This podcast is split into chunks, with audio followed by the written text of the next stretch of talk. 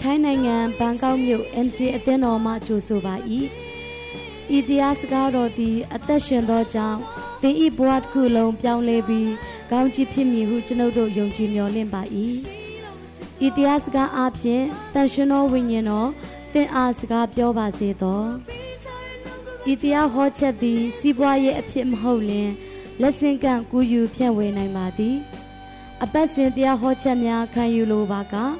mcatalent.com တွင်ဆက်သွယ်နိုင်ပါသည်ရှိလို့မဖြစ်တော့တာသမီးများတွေဘုရောပေးချတဲ့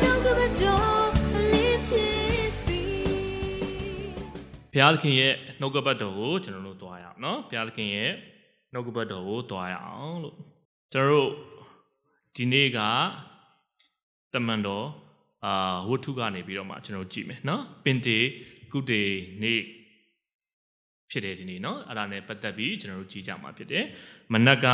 ရှာနော်ကျွန်တော်တို့အာဝิญဉ်ဖခင်နော်ဆရာတော်ဦးစောမင်းလည်းဝေငှသွားတဲ့အရာပေါ်မှာကျွန်တော်လည်းအရန်ခွန်အားရတယ်နော် ဆိုတော့ပြီးတော့မှကျွန်တော်တို့ထပ်ပြီးတော့မှကြည်ကြရအောင်เนาะတမန်တော်ဝတ္ထုမှာပဲဘုရားသခင်ကเนาะကျွန်တော်တို့ကိုဘာစကားပြောမလဲဆိုတာကိုအရောက်တိုင်းစီနှလုံးသားဖွင့်ရအောင်လို့เนาะအဲ့ဒီအပေါ်မှာဘုရားသခင်ရဲ့နှုတ်ကပတ်တော်ကစီစဉ်သွားမှာဖြစ်တယ်เนาะဘုရားသခင်ကနှုတ်ကပတ်တော်အဖြစ်ကောင်းကြီးပေးမှာဖြစ်တယ်လို့နှုတ်ကပတ်တော်အတွက်ကျွန်တော်တို့ဆုတောင်းဆက်ကပ်အနံ့ကြရအောင် ဘုရားသခင်ကိုရောရဲ့ နှုတ်ကပတ်တော်အတွက်ယေရှုတင်နေတန်ရှင်းသောဝိညာဉ်တော်အတွက်ယေရှုတင်ပါတယ်ဒီနေ့ဒီပင်တေကုတေနေ့ဖြစ်တယ်ဗျာဒီနေ့ကိုရောဘုရားကိုယ်တိုင်ပင်တေကုတေနေ့နဲ့ပတ်သက်သောနှုတ်ကပတ်တော်ကိုကိုရောတုံသင်မှာတန်ရှင်းသောဝိညာဉ်တော်ဘုရားကိုရောတုံသင်မှာမာစပါဒါပေမဲ့အယောင်တိုင်းစီရဲ့နှလုံးသားထဲမှာဒါကျွန်တော်မျိုးမှစဘုရားရှင်ကိုရောစကားပြောတော်မှာကိုရောနှုတ်ကပတ်တော်ကို တောင်းတလျက်ရှိတယ်ကိုရဲ့ဂျေစုတရားတွေကိုဝင်ရောက်ရမည်ဖြစ်သောကြောင့်ဂျေစုတင်ပါတယ်ယေရှုခရစ်တော်နာမနဲ့ဂျေစုချီးမွမ်း၍အလွန်ယိုသည်စွာဖြင့်သာသမီတို့ဆုတောင်းဆက်ကပ်အနံပါ၏အာမင်အာမင်အာမင်ပင်တေကုတေနေ့ပင်တေကုတေနေ့လို့ပြောတဲ့အခါမှာကျွန်တော်တို့အာ အမျိုးမျိုးသဘောပေါက်မှာပေါ့နော်အမျိုးမျိုးသဘောပေါက်မှာပင်ဒီကုတေနေလို့ပြောပြောတဲ့အခါမှာကျွန်တော်တို့ယူဒလူမျိုးတွေမှာသူတို့ရဲ့ပွဲတွေရှိကြတယ်နော်ပွဲတော်ပွဲတွေရှိကြတယ်ဥပမာပတ္တခါပွဲပတ္တခါပွဲဆိုတာရှိတယ်ပင်တေကုတေနေဆိုတာပင်တေကုတေပွဲဆိုတာရှိတယ်ယူဒလူမျိုးတွေရဲ့ပွဲထဲကနေပြီးတော့မှတစ်ခုပေါ့ပင်တေကုတေနေပွဲဆိုတာနော်ဆိုတော့အဲ့ဒီအပေါ်မှာအဲ့ဒီပွဲမှာ ဘုရားကတန်ရှင်းသောဝိညာဉ်တော်ကိုတွန်းလောင်းတယ်တန်ရှင်းသောအဝိညာဉ်တော်နဲ့နော်တွန်းလောင်းပြီးတော့မှဘုရားသခင်ကောင်းချီးပေးတယ်ဆိုတာကိုတွေ့ရတယ်ကျွန်တော်တမန်တော်ဝတ္ထု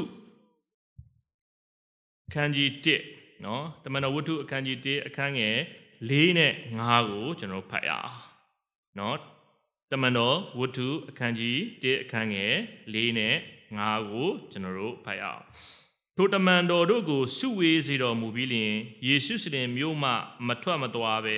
ခမဲတော်ဤဂတိကိုငတ်လင့်နေမိအကြောင်းမှားထားတော်မူ၍ထိုဂတိတော်ကိုငါဟောပြောသဖြင့်သင်တို့သည်ကြားသိရကြပြီ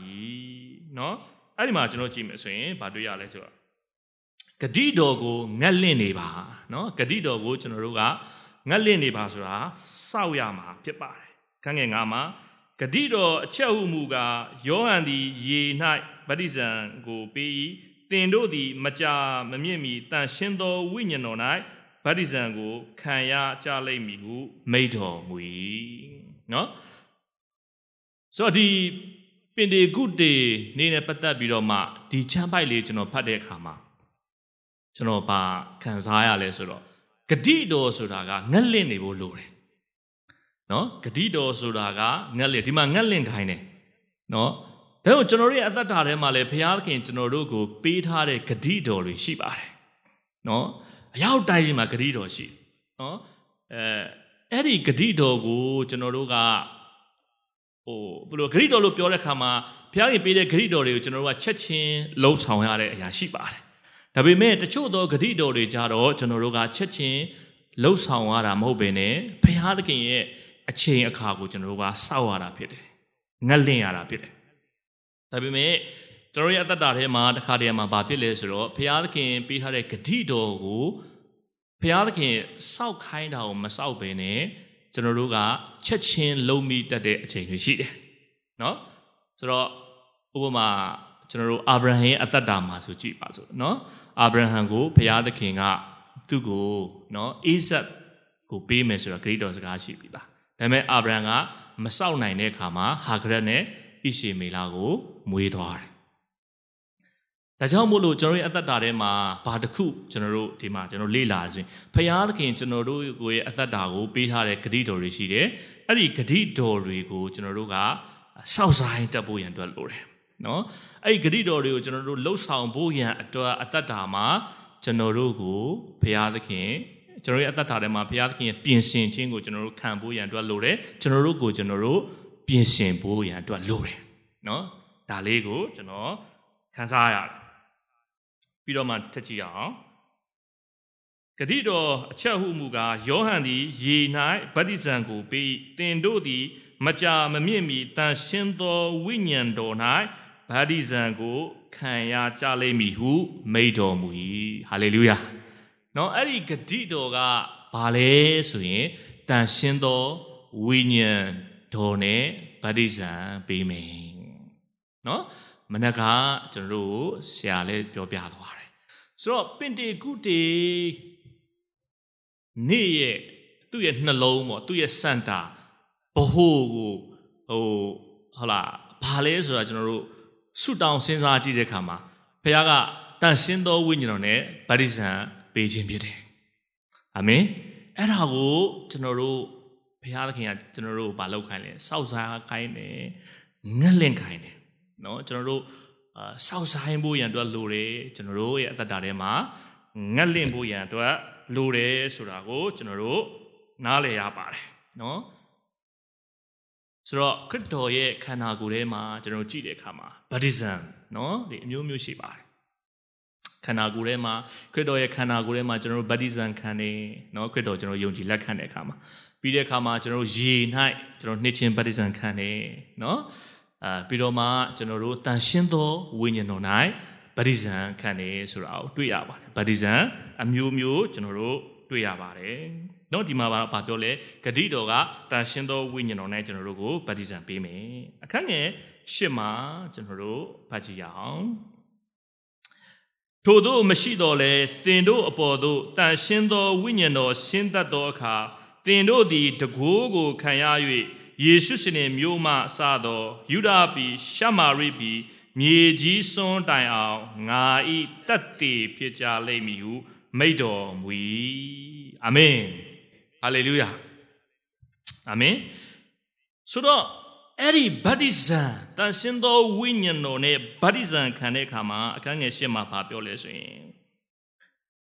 ထို့သောမရှိတော့လေတင်တို့အပေါ်သို့တန်ရှင်းသောဝိညာဉ်တော်ရှင်းတတ်သောအခါတန်ရှင်းသောဝိညာဉ်တော်နဲ့ကျွန်တော်ဗတ္တိဇံနဲ့ခံတဲ့အခါမှာတန်ရှင်းသောဝိညာဉ်တော်ကျွန်တော်တို့ပေါ်မှာဆင်းသက်မယ်တင်တို့သည်တကိုးကိုခံရ၍ယေရှုရှလင်မြို့မှစသောယူဒာပြည်ရှာမာရိပြည် မြေကြီးစွန်းတိုင်အောင်ငါ၏တသက်ဖြစ်ကြလိမ့်မည်ဟုမိန့်တော်မူ၏ဟာလေလုယာနော်တန်ရှင်းသောဝိညာဉ်တော်နဲ့ကျွန်တော်တို့ဗတ္တိဇံခံရင်ဝိညာဉ်တော်ကကျွန်တော်တို့မှာတက်ရောက်မယ်ခရစ်တော်ကိုကျွန်တော်တို့ယုံကြည်လက်ခံတဲ့အခါမှာတန်ရှင်းသောဝိညာဉ်တော်ကကျွန်တော်ရဲ့အထဲမှာကျိန်ကိုနေပြီးသားပါဒါပေမဲ့တန်ရှင်းသောဝိညာဉ်တော်နဲ့ကျွန်တော်တို့ဗတ္တိဇံခံတဲ့အချိန်မှာတော့တန်ရှင်းသောဝိညာဉ်တော်ဒီကျွန်တော်တို့ရဲ့အပေါ်မှာဘာဖြစ်လဲတက်ရောက်တယ် အထဲမှာလည်းကျင်းဖို့တယ်အပေါ်မှာလည်းကျွန်တော်တို့ဗာလဲတက်ရောက်တယ်အဲ့ဒီတက်ရောက်တာကကျွန်တော်တို့ဘာလုပ်ပြဖို့လဲတကိုးကိုပေးဖို့ရန်အတွက်ဖြစ်တယ်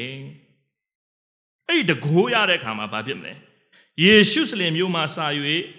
ယူဒာပြည်ရှမာရိပြည်မြေကြီးစွန်းတိုင်အောင်ငါဤတတ်တည်ဖြစ်ကြလိမ့်မည်ဟာလေလုယာအဲ့ဒါပင်တီကုထေတဲမှာအဲ့ဒါလည်းပါတယ် ယူဒဘယ်ကနေဖြစ်မှာလဲယူဒပြီးယေရှုစလင်မြို့မှာစာ၍ယူဒပြီးရှာမာရိပြီးမြေကြီးစွန်းတိုင်အောင်ငါရဲ့တသက်ဖြစ်ကြလိမ့်မယ်နော်ဘာလို့ဆိုလိုတာလဲနော်ဘာလို့ဆိုလိုတာလဲဆိုရင်ကျွန်တော်တို့ရဲ့အသက်တာမှာယူဒပြီးဆိုတာနော်ယူဒပြီးဆိုတာကကျွန်တော်တို့ရဲ့အသက်တာလေးကိုပြောတာနော်ကျွန်တော်တို့ရဲ့အသက်တာလေးကို ပြောတာပြင်နိုင်တယ်နော်ပြီးတော့မှကျွန်တော်တို့ရှာမာရိပီတဖြည်းဖြည်းပေါ့မိမိရဲ့အသက်တာနေမိမိရဲ့မိသားစုမိမိရဲ့မိသားစုကနေပြီးတော့မှနော်ကျွန်တော်တို့ဘာဖြစ်မလဲနော်နော်ရှာမာရိပီပြီးတော့မှမိမိရဲ့အသင်းတော်မိမိရဲ့အသင်းတော်ပြီးတော့မှမြေကြီးစွန်းတိုင်အောင်ဘုရားသခင်ရဲ့တက်တည်ဖြစ်ကြလိမ့်မယ် ဘုရားရဲ့တက်တည်ဖြစ်မယ်ဖရာသခင်ရဲ့တက်တည်ဖြစ်ခြင်းထဲမှာဘာပါလဲဆိုရင်ဖရာသခင်ရဲ့ဘုံထင်ရှားခြင်းလည်းပါတာဖြစ်တယ်။ဒါပေမဲ့တခါတည်းကမှကျွန်တော်တို့ရဲ့အသက်တာထဲမှာကဘာဖြစ်လဲဆိုတော့ဟိုမိမိရဲ့အသက်တာထဲမှာတက်တည်မရှိသေးဘူးရှိတာလည်းရှိတာပေါ့နော်မရှိတာလည်းရှိတယ်။နော်မိမိရဲ့မိသားစုထဲမှာတက်တည်လေးမရှိသေးဘူး။ အတင်းတော်မှာတက်တည်နဲ့ဘုံထင်ရှားခြင်းမရှိသေးဘူးရှိတယ်လို့ရှိတာလည်းဘိုင်လည်းရှိမယ်မရှိတဲ့အပိုင်းလည်းရှိမယ်မရှိတာလည်းလည်းရှိမှာပေါ့ဒါပေမဲ့ကျွန်တော်တို့ကဘာဖြစ်ချင်လဲဆိုရင်မြေကြီးစွန်းတိုင်ဟိုကျွန်တော်တို့ကတက်တည်ဖြစ်ချင်တယ်အသက်တာမှာတော့တက်တည်မရှိဘူးเนาะဒါပေမဲ့ကျွန်တော်တို့ကဘာကိုတက်တည်ဖြစ်ချင်လဲမြေကြီးစွန်းတိုင်အောင်တက်တည်ဖြစ်ချင်တယ်မြေကြီးစွန်းတိုင်အောင်တက်တည်ဖြစ်ချင်တယ် ဆိုတာကဘာကိုဆိုလိုတာလဲเนาะကျွန်တော်တို့ကဘာပတ်ပြီးတော့မှတရားဟောခြင်းတဲ့စိတ်တွေเนาะကဘာပတ်ပြီးတော့မှကျွန်တော်တို့ဟိုတရားဟောခြင်းတဲ့စိတ်တွေเนาะအာဒါမှမဟုတ်လေအမျိုးမျိုးပေါ့เนาะမြေကြီးစွန်းတိုင်အောင်ကျွန်တော်တို့တက်တည်ပြီးအင်္ဂလိပ်တွေကျွန်တော်ဟောပြီးတော့မှကျွန်တော်တို့ပျောက်ဆုံးဝိညာဉ်တွေရိတ်သိမ်းခြင်းတဲ့စိတ်တွေဖြစ်တယ်ဒါပေမဲ့အတ္တတာမှာကတော့ကျွန်တော်တို့ တက်တည်မရှိသေးတာဖြစ်တယ်နော်ဒါနဲ့ပတ်သက်ပြီးတော့မှကျွန်တော်ရဲ့အသက်တာမှာဒါရှင်းကျင်တယ်ကျွန်တော်ဟိုမနက်ကဆရာတော်ဦးစောမင်းလည်းပြောသွားနော်ဆရာ Rocky ဆိုတာဆရာစောမင်းဆရာတော်ဦးစောမင်းရဲ့အကိုဝန်းခွဲပေါ့ကျွန်တော်တို့ရဲ့ဖတရားမှာရှိစဉ်တုန်းကကျွန်တော်တို့ရဲ့အသင်းအုပ်ဆရာပေါ့နော်သူကကျွန်တော်အမြင်နဲ့အဲ့ဒီနှုတ်ကပတ်တော်နဲ့ဆုံးမတယ်နော်ယေရှုစလင်ကစာ၍ နော်ယူဒာပီရှမာရိပီမြေကြီးစွန်နိုင်တက်တည်ကိုယ့်ရဲ့အသက်တာမှာတက်တည်ဖြစ်ရမယ်မိသားစုမှာနော်အသင်းတော်မှာနော်တက်တည်ဖြစ်ရမယ်ပြီးတော့မှမြေကြီးစွန်နိုင်ဆိုတာလာမယ်ဘာကြောင့်ဆိုကျွန်တော်တို့ကအရင်အသင်းတော်အသင်းတော်တွေအချင်းတော်ဆိုကျွန်တော်ထိုးဖောက်ချင်တာအသင်းတော်အခုအသင်းတော်မှာမနေချင်ဘူးအသင်းတော်ပဲလှုပ်ချင်တယ်နော်ဆိုတော့အဲ့ဒီလိုမျိုးဖြစ်တော့ तू အသိပါကိုကိုတော့ကိုမသိကိုရဲ့ဝိညာဉ်ဖခင်ကသိတာ နော်ကိုရဲ့ဝိညာဉ်ဖခင်ကိုကိုမသိဘူးဒါလည်းကျွန်တော်သင်ခန်းစာယူဖို့ရန်အတွက်ရှိအခါလေးမှာကျွန်တော်တို့ကိုကျွန်တော်တို့မသိတဲ့အရာတွေကကိုယ့်ရဲ့ဝိညာဉ်ဥဆောင်တော်သူကသိနေတာအများကြီးရှိနိုင်တယ်နော်ဝိညာဉ်ဝိညာဉ်ဥဆောင်တော်သူကသိနေနိုင်တယ်ဒါကြောင့်မို့ကျွန်တော်တို့ရဲ့အသက်တာထဲမှာဖခင်သခင်ကျွန်တော်တို့လောက်ခိုင်းနေလောက်ခိုင်းနေကျွန်တော်တို့စိတ်ထဲမှာခံစားတဲ့အရာတွေကကျွန်တော်တို့ဇွတ်ဇွတ်လောက်တာတဲ့ ကိုကိုဘုရားခင်ပေးထားတဲ့ဝိညာဉ်ဥဆောင်တော်သူရှိတယ်ဝိညာဉ်ဖခင်ရှိတယ်နော်အဲအတင်းဟုတ်ဆရာရှိတယ်နော်သူတို့နဲ့လည်းတိုင်ပင်အမတန်မှကောင်းတယ်နော်ကောင်ဆယ်လင်နော်ကိုယ့်ရဲ့ဝိညာဉ်ဥဆောင်တော်သူတွေရဲ့ကိုယ့်ကိုကောင်ဆယ်လင်လုပ်ပေးတာအကြံဉာဏ်ဆွေးနွေးတိုင်ပင်တဲ့အရာကိုကျွန်တော်တို့ယူပြီးတော့မှနော်နာခံခြင်းနဲ့လုပ်ရင်လေဒါကတက်တည်ဖြစ်တယ် နော်တက်တည်ဖြစ်တယ်ဘုရားသခင်ဘုံတင်ရှားတဲ့အရာဖြစ်တယ်အဲအဲ့ဒီလိုမျိုးပဲကျွန်တော်ကျွန်တော်အသေးဥရှာအဲ့လိုမျိုးတုံတယ်ကျွန်တော်က brethren အသင်းတော်မှာဗမာပြည်ရောက်လို့ရှိရင်ကျွန်တော် brethren အသင်းတော်မှာကျွန်တော်ဘုရားတော်တော်ရှိကိုတယ်လေဆရာတော်ဦးစောမင်းတို့ရဲ့ဖခင်ဖိုးဖိုးပေါ့နော်အဲ့ဒီမှာသွားလို့ရှိရင်ကျွန်တော် main worship service မှာတော့ကျွန်တော်တို့ကလူတွေကများတယ်တိတ်ပြီးမိသားမဖြစ်ဘူး ဒါပေမဲ့ဗမာမေတ္တာဖြစ်တယ်ဆိုတော့ကျွန်တော်ကရုဏာမြတ်ဝန်ဆိုတဲ့ဝိပုကိုးကွယ်ခြင်းလေးပါကျွန်တော်ကမေတ္တာဖြစ်တယ်နော်အဲ့ဒီမှာကျွန်တော်သွားအမြဲတမ်းကျွန်တော်သွားတယ်သွားပြီးဝိပုကိုးကွယ်တယ်အဲ့ဒီမှာဆရာရောက်ပါရှိကရုဏာမြတ်ဝန်သာသနာကိုဆရာဇော်ဝင်းမြင့်နော်ဆရာနော်ဆရာဇော်ဝင်းမြင့်ဖြစ်တယ်သူလည်းကျွန်တော်ကိုသူလည်းဟိုပေါ့ကျွန်တော်လည်းသွားတယ်သွားလို့ရှိရင်တက်တေခံလေးခွင့်လေးရရင်တက်တေခံနဲ့တရားနာတာကိုနားထောင်ပြီးကျွန်တော်ပြန်လာတာပေါ့ဒါပေမဲ့ပြီးသွားရင်ကျွန်တော်တို့စကားလေးတွေပြောကြတယ်မိသားလေးဖွဲ့ကြတယ် ဖွဲ့ကြတဲ့ခါမှာကျွန်တော်လည်းခင်တယ်အဲ့ဒီဆရာဇော်ဝင်းမြင့်တာတကယ်ကျွန်တော်တွေ့တာတော့မကြသေးဒါပေမဲ့နှလုံးဝိညာဉ်ထဲမှာအဲတကယ်ပဲဟိုချစ်ခင်လေးစားတဲ့စိတ်နှလုံးသားကျွန်တော်ထဲမှာဖြစ်တယ်ဆိုတော့စကားပြောအာအရန်သူလဲအဲဆရာလဲဘုဒ္ဓတာအရန်ကျေသွားတော့ပြောပြတယ်လေအဲ့ဒီပြောပြတဲ့ထဲမှာတစ်ခုကဘာလဲဆိုတော့သူကကျွန်တော်ဟိုမူလီခေါင်းနဲ့ဂွားပေါ့မူလီဂွားနဲ့မူလီခေါင်းနဲ့ဂွားဆိုတဲ့ဥပမာလေးကိုပြောတာ fit ဖြစ်တာပေါ့နော် fit ဖြစ် fit ဖြစ်ခြင်းတီတီကြကြမူလီခေါင်းတစ်ခုကိုသူကတော့မူလီခေါင်းလို့မပြောကျွန်တော်နားလဲအောင်လေးပေါ့နော်ဒါမူလီခေါင်းနဲ့ဂွားဆိုတဲ့ဥပမာလေးပြောတယ်မူလီခေါင်းကိုဖွင့်ဖို့ကသူ့ရဲ့ဒီမူလီခေါင်းနဲ့အရွယ်အစားပမာဏတူညီတဲ့ဂွားနဲ့ကျွန်တော်ဖွင့်ရတယ်လေ fit ဖြစ်မှအဲ့ဒီမူလီကပွင့်တယ်ပြီးအဲ့ဒါလေးသူပြောပြီးတော့မှဒီအချမ်းပိုက်လေးပြောတယ်မြောက်များစွာသောသူတွေဟာတဲ့အတင်းတော်တွေပတ်ပြီးတော့မှတော့၎င်းနော်ကဘာကိုပတ်ပြီးတော့မှတော့၎င်း ဟိုဟိုပေါ့တရားတွေဟောခြင်းကြတယ်တဲ့ဒါပေမဲ့မိမိရဲ့အသက်တာမှာတော့ဘုရားရဲ့တက်တည်နဲ့ဘုရားဘုန်းတင်စားခြင်းမရှိဘူးမိသားစုမှာမရှိဘူးအာအတင်းတော်ထဲမှာမရှိဘူးတဲ့ဆိုတော့ဘာဖြစ်လာလဲနောက်ဆိုခတ်လာတယ်ခတ်လာတယ်နော်တကယ်တော့ဘုရားရဲ့တက်တည်ဆိုတာမိမိရဲ့အသက်တာထဲကနေဖြစ်ရမယ်ပြီးတော့မိသားစုထဲမှာဖြစ်ရမယ်အသင်းတော်ထဲမှာဘုံထင်ရှားခြင်းနဲ့ပြီးမှမြေကြီးစွန်းတိုင်အောင်ဘုရားသခင်ရဲ့တက်တည်ဖြစ်မှာအဲ့ဒါမှ ကျွန်တော်တို့ကမှန်တယ်ဆိုတဲ့စကားလုံးလေးကိုသူကျွန်တော်ကိုတွန်းတင်တယ်အဲဒါဒါကျွန်တော်မိသားရပွဲပြီးတဲ့အခါမှာပေါ့နော်ဒါပင်ဒီကုတေတေမှာဒီဟာတွေကျွန်တော်ရှင်းကျင်ဖို့ရန်အတွက်လိုတယ်အာမင်ဒါဒီတမန်တော်ဝတ္ထုအခန်းကြီး1နဲ့အခန်းကြီး2ကိုကျွန်တော်ကြည့်မယ်ဆိုလို့ရှိရင်ဒါကပင်ဒီကုတေရဲ့နှလုံးသားလို့ပြောလို့ရတယ်နော်ပင်ဒီကုတေနေ့ဖြစ်လာခြင်းတန်ရှင်းသောဝိညာဉ်တော်ကြွခြင်းနော်ဒါကိုကျွန်တော်တို့ပြောတာဒါကြောင့်ကျွန်တော်ရဲ့အသက်တာထဲမှာ ဒါကိုကျွန်တော်ရှင်းကြပါမယ်အသက်တာမှာတတိဖြစ်မယ်အဲဘုံတင်ရှားမယ်နော်ဘုံတင်ရှားမယ်သူများရဲ့အရှိမှာနော်ဘုရားရှိလူရှိမှာပြည့်ပြည့်ပေါ့တတိထင်ရှားမယ်ပြီးတော့မှတတိလို့ပြောတဲ့အခါမှာဆရာမနဲ့ကလည်းပြောပြတယ်နော်ကျွန်တော်ရဲ့တက်တာမာတူတာတဲ့ကျွန်တော်လည်းအရန်ခွန်ရတယ်နော်မာတူတာ တက်တီတက်တီလို့အသက်ပင်တည်သွားမယ်အသက်ပင်တည်သွားပါစေပေါ့နော်အသက်ပင်တည်သွားပါစေဒီအရာဒီတမန်တရားဖြစ်တယ်ဆိုတာကိုကျွန်တော်အသက်အသေးခံပြီးပြောသွားမယ်ဟာလေလုယာအာမင်ဒါတန်ရှင်းသောဝိညာဉ်တော်ဗတ္တိဇံခံတဲ့အခါမှာဝိညာဉ်တော်ကျွန်တော်တက်ရောက်တဲ့အခါမှာဟုတ်လားကျွန်တော်တို့အပေါ်မှာတက်ရောက်တဲ့အခါမှာအဲ့ဒီတကူကိုကျွန်တော်တို့ကခံရတယ်တတိဖြစ်တယ်လို့ပြောလာတဲ့ခါမှာခုနကကျွန်တော်ပြောတဲ့ပေါ့ဘုရားရဲ့ကောင်းမြတ်ကြောင်းလေးကျွန်တော်တို့ ခံစားရတယ်เนาะဘုရားရဲ့တက်သေးတွေကျွန်တော်တို့မှာရှိတယ်ဘုရားဘုံတင်စားခြင်းတွေကျွန်တော်တို့ရဲ့အသက်တာထဲမှာရှိတယ်เนาะယေရှုကပြောတယ်လေငါဒီအသက်နဲ့လွတ်ယုံများမကအထူးသဖြင့်အသက်နဲ့ပြည့်စုံစေခြင်းကလာမယ်လို့ယေရှုကပြောတာဖြစ်တယ်ကျွန်တော်တို့ကငရဲကပဲလွတ်တာမဟုတ်ဘဲနဲ့အဲ့ဒီအထူးသဖြင့်သောအသက်တာတွေကိုလည်းကျွန်တော်တို့ကခံစားနေရခြင်းကလည်းအသက်သေးပဲဖြစ်တယ်အာမင် ဒါကဘယ်ချိန်မှရမလဲတန်ရှင်းသောဝိညာဉ်တော်နဲ့ဗတ္တိဇံခံတဲ့အချိန်မှာဝိညာဉ်တော်သည်ကျွန်တော်တို့ရဲ့အပေါ်မှာဟာလားတက်ရောက်လာတဲ့အချိန်မှာတို့တကူခံရပြီးတော့မှဒီလိုຢာတွေဖြစ်မယ်ဆိုတာကိုပြောပါတယ်နော်ဖခင်ကကျွန်တော်တို့ကိုတန်ရှင်းသောဝိညာဉ်တော်ကကျွန်တော်တို့ကိုကူညီပေးมาဖြစ်တယ်နော်တန်ရှင်းသောဝိညာဉ်တော်ကကျွန်တော်တို့ကို နီလန်ပေါင်းမြောက်များစွာနဲ့ကူညီပေးမှာဘာဖြစ်ဘာလို့ကူညီပေးမှာလဲဘာလို့ကိုကူညီမှာလဲတတ်တည်ဖြစ်ဖို့ကူညီပေးမယ်ဝိညာဉ်တော်ပဋိစ္စံခံတယ်ဝိညာဉ်တော်တက်ရောက်တယ်တကူခံရတယ်ထိုဝိညာဉ်တော်ကကျွန်တော်တို့ကို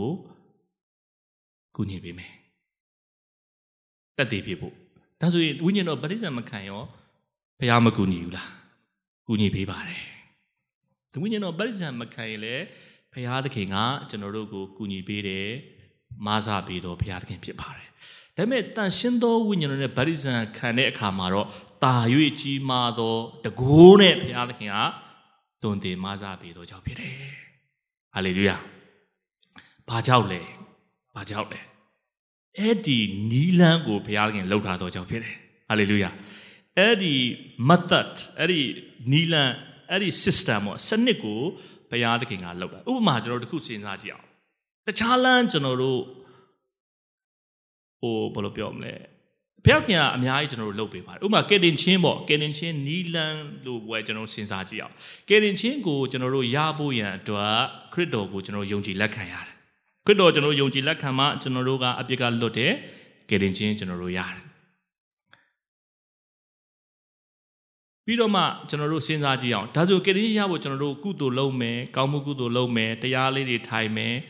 ကောင်းမှုကုသိုလ်ကျွန်တော်တို့ပြုမယ်ဒါဆိုရင်ကယ်တင်ချင်းရလားမရဘူးဘာကြောင့်လဲကယ်တင်ချင်းရဖို့ခရစ်တော်ကိုယုံကြည်လက်ခံမှပဲဖခင်ရဲ့ကနီလန်နဲ့စနစ်ကိုတတ်မှတ်ထားသောကြောင့်ဖြစ်တယ်ဟာလေလုယာဒုန်ဒီ၎င်းမဲ့ဖခင်သခင်ကကျွန်တော်တို့ကိုဝိညာဉ်တော်နဲ့မာစာဖို့ ဝိညာဉ်တော်ကျွန်တော်တို့ဘောမှာတက်ရောက်ဖို့ဝိညာဉ်တော်တက်ရောက်ပြီးကျွန်တော်တို့တကူကိုခံရဖို့ပြီးတော့မှသူ့ရဲ့တက်သေးဖြစ်အောင်ကျွန်တော်ကုညီဖို့နော်ဘုရားဘုံတင်ရှားဖို့တခြားလမ်းနဲ့မရဘူးလားတခြားလမ်းနဲ့မရနိုင်ဘူးလားတခြားလမ်းနဲ့မဖြစ်နိုင်ဘူးလားကဲကျွန်တော်တန်ရှင်းသောဝိညာဉ်တော်နဲ့ဗတ္တိဇံမခံရင်လည်းပဲဘုရားသခင်ကကူညီပါတယ်ကျွန်တော်တို့ချစ်တယ်ကယ်တင်ခြင်းနဲ့ပတ်သက်ပြီးတော့မှ ကျွန်တော်တို့ဘုရားသခင်ပေးပြီးတော့မနက်ကဆရာကျွန်တော်တို့ပြောပြီးသွားပြီ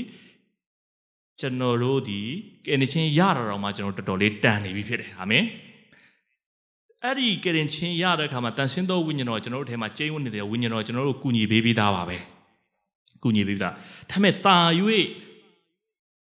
များပြားသောတကူနဲ့တာ၍ကြီးမားသောတကူနဲ့ဘုရားသခင်ကျွန်တော်တို့ကူညီပေးဖို့ရန်အတွက်ကတော့ကျွန်တော်တို့ဒီတန်ရှင်းသောဝိညာဉ်တော်နဲ့ဗတ္တိဇံခံဖို့ရန်အတွက်လိုတယ်ဟာလေလုယာဘာကြောင့်လဲဖခင်အဲ့ဒီနီလန်နဲ့အဲ့ဒီစနစ်ကိုတတ်မှတ်ထားသောကြောင့်ဖြစ်တယ်ကယ်တင်ခြင်းတိုင်းပဲအာမင်အာမင်ဒါကြောင့်မလို့ဖခင်ကကျွန်တော်တို့ဗာပြောလဲစောက်ပါကျွန်တော်တို့ကို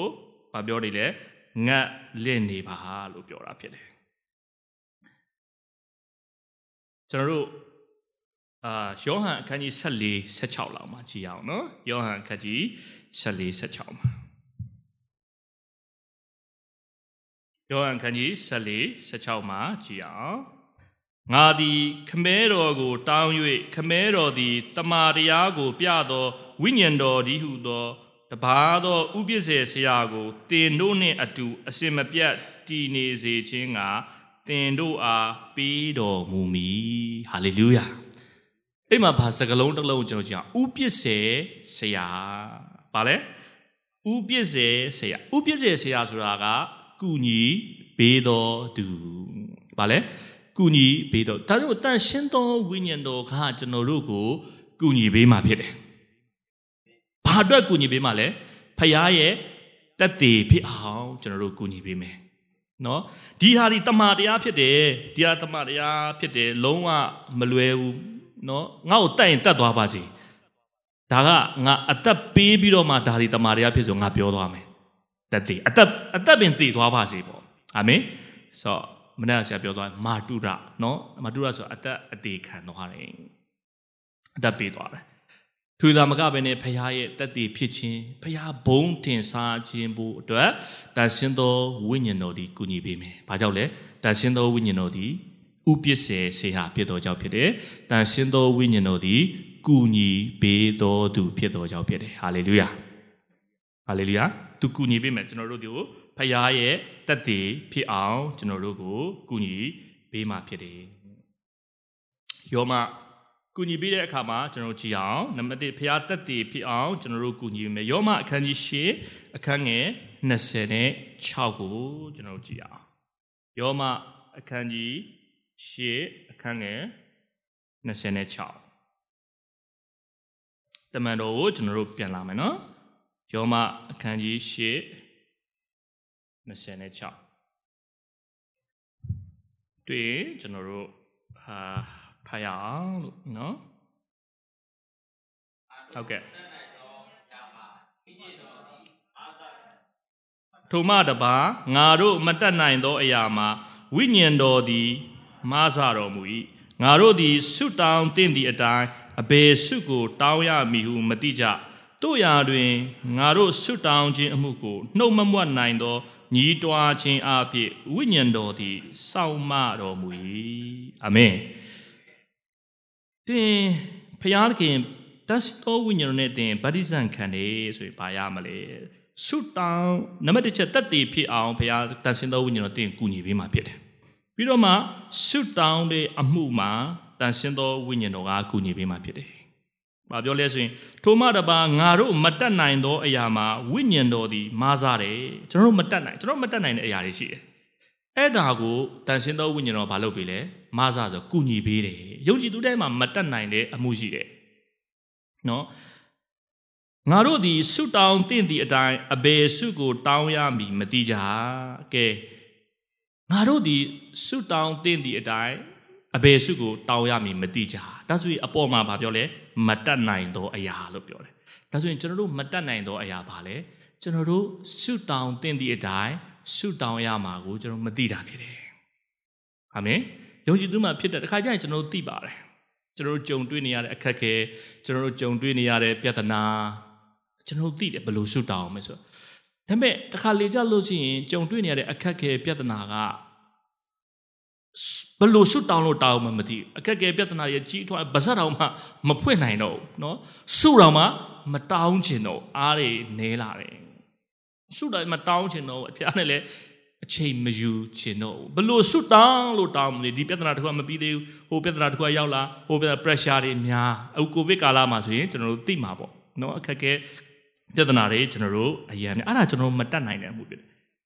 ကျွန်တော်အတက်တိုင်းပဲတစ်ခါတည်းမှာကျွန်တော်ဒီဘလို့ဆွတ်တောင်းရမယ်ဆိုတာကျွန်တော်တို့မသိဘူးငါတို့ဆွတ်တောင်းတင်းသည့်အတိုင်းအဘယ်စုကိုတောင်းမှုမသိကြတို့ရာတွင်ငါတို့ဆွတ်တောင်းခြင်းအမှုကို နှုံမမွတ်နိုင်သောညီးတွားခြင်းအဖြစ်ဝိညာဉ်တော်သည်စောင်းမတော်မူ၏ဟာလေလုယာဝိညာဉ်တော်ကျွန်တော်တို့ဘာလုပ်ပေးမလဲကျွန်တော်မတတ်နိုင်တဲ့အရာမှာစောင်းမပေးမယ်ကုညီပေးမယ်ဘလို့အားဖြစ်စောင်းမပေးမယ်ကုညီပေးမလဲနှုတ်မပွတ်နိုင်သောညီတွားခြင်းအဖြစ်ဟာလေလုယာတင်သက်ရှင်သောဝိညာဉ်နဲ့ဗတ္တိဇံခံလာရင်နှုတ်မမွတ်နိုင်သောညီတွားခြင်းတင်ပြုတတ်မှာဖြစ်တယ်ဟာလေလုယာအာမင် ဆိုတော့ကျွန်တော်ဒီနော်ဒီနှုတ်ကပတ်တော်ဒီနေ့မှာကျွန်တော်စိတ်လေးလှုပ်ရှားတယ်နော်ဒီနေ့ကပင်နေကုတ်တွေနေဖြစ်တော့အခုတပြည့်နေကြီးနေမြတ်တွေဖြစ်လို့ရှိရင်ကျွန်တော်နှုတ်ကပတ်တော်မဝေမဝေကားရလို့တော့ဝေကားတဲ့အခါမှာကျွန်တော်စိတ်လှုပ်ရှားတယ်နော်ဒါရိုးရိုးသားသားပြောလို့ရှိရင်ဆိုတော့ကျွန်တော်ဘာဖះကိုကျွန်တော်ဆိုကိုတော့ဘာပြောရမှာလဲနော်ကျွန်တော်အမရှိမိသားစုကိုဘာပြောရမှာလဲဆူတောင်းတဲ့အခါမှာ ကိုတော့ပင်တီကုတေရဲ့နှလုံးသားကိုပြောခိုင်းတယ်ဟာလေလုယာဘဟုကဘာလဲပင်တီကုတေနေဒါပေမဲ့ကျွန်တော်ဆူတောင်းတယ်ကိုတော့ကိုတော့ပဲပြောပါကိုတော့ကျွန်တော်ပြောခိုင်းကျွန်တော်လည်းပြောပြောကိုတော့ကိုတော့ပဲပြောပါကိုတော့ပဲပြောပါဆိုတော့ဒီတန်ရှင်းသောဝိညာဉ်တို့ဒီပင်ဒီကုတေနေနဲ့ပတ်သက်တဲ့နှလုံးသားဖြစ်တဲ့ကျမ်းပိုက်လေးတွေကျွန်တော်တို့ကြည့်ကြမယ်လေကျမ်းစာပြောတဲ့အတိုင်းပဲကျွန်တော်တို့ပြောသွားမယ် ဒါပေမဲ့ဝိညာဉ်တော်ဒီကျွန်တော်တို့အရောက်တိုင်းအလင်းပေးပါစီဟာလေလုယာကိုတော်ပြောပါစေအာမင်ဆိုတော့ကိုတော်ကနှုတ်ကပတ်တော်ကတကူရှိတော်ကြောင့်ကိုတော်ပဲပြောပါစေအာမင်ကျွန်တော်တန်ရှင်းသောဝိညာဉ်တော်နဲ့เนาะကျွန်တော်တို့ဝိညာဉ်တော်ကျွန်တော်တို့ကူညီပေးမယ်ဗတ္တိဇံကျွန်တော်တို့ခံပြီးတဲ့အခါမှာဘာကူညီတဲ့တခုကကူညီတဲ့တခုကဘာလဲဆိုရင်ကျွန်တော်တို့တစ်ခါတည်းမှာကျွန်တော်အားနေတဲ့အဲ့ဒီအားနေတဲ့အရာဘာလဲကျွန်တော်တို့ ကြုံတွေ့နေရတဲ့အခြေအနေပေါ်မှာဆူတောင်းတင်းသည့်အတိုင်းကျွန်တော်တို့ဘလို့ဆူတောင်းရမလဲဆိုတာကျွန်တော်တို့မသိဘူးเนาะအဲ့ဒီအချိန်မှာဝိညာဉ်တော်ကျွန်တော်တို့ကူညီမှာဖြစ်တယ်အဲ့ဒီအခြေအနေမှာတစ်ခါရင်သိပါတစ်ခါရင်မသိဘူးเนาะဒါလေးမသိတဲ့အချိန်မှာကျွန်တော်တို့ကနှုတ်မမွတ်နိုင်တော့ညီးတွားခြင်းတင်တက်လာမယ်ဝိညာဉ်တော်နဲ့ပရိသတ်ခံဟာလေလုယာအာမင်ကျမ်းစာပြောတယ်နော်နှုတ်မမွတ်နိုင်တော့ညီးတွားခြင်းတင်တက်လာကျွန်တော်တို့ရှယ်နှစ်မြောက်ကျေးဇူးတော်ကြီးမွန်ခြင်းလုပ်တယ်နော် အတင်းတော်လေးမှာ MC ဘန်ကောက်အတင်းတော်လေးမှာကျွန်တော်လုပ်ရတဲ့အခွင့်ပေးတယ်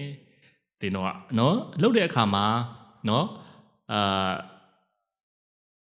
လုပ်တဲ့အခါမှာဘာဖြစ်လဲဆိုရင်ကျွန်တော်ဇနီးသူသူစကားပြောတော့ပေါ့နော်သူလည်းချီးမွမ်းတယ်ကျွန်တော်လည်းချီးမွမ်းကျွန်တော်ဇနီးကသူကတောင်းတန်ဆိုတော့သူကချီးမွမ်းတာဘာသူသိမပြောလို့ဒါပေမဲ့အဲ့ဒီနေ့ကျတော့သူကပြောတယ်ပြောတဲ့အခါမှာဘာပြောလဲဆိုရင်သူသမီးလေးကိုတော့ ဖះခင်ပေးတယ်ပေါ့ဒါပေမဲ့ကလေးကစကားနားမထောင်ဘူးတဲ့တော့သူမွေးလာတော့ဘာမွေးတော့အရင်တော့အရန်လိုချင်တယ်ဒါပေမဲ့မွေးလာပြီးတော့ကလေးကစကားနားမထောင်တော့သူလည်းစိတ်ထဲမှာမကောင်းတဲ့အရာတွေရှိကြပေါ့နော်ဒါပေမဲ့ဆူတောင်းတယ်တဲ့တမီးလေးကိုလေဆူတောင်းတယ်အဲ့တဲ့ဟုတ်တယ်သူနဲ့ဇနီးတဲ့နဲ့ကျွန်တော်လည်းအရာဝေကန်ဒီမှာအဲ့လိုမျိုးလေဆူတောင်းကြတယ်နော်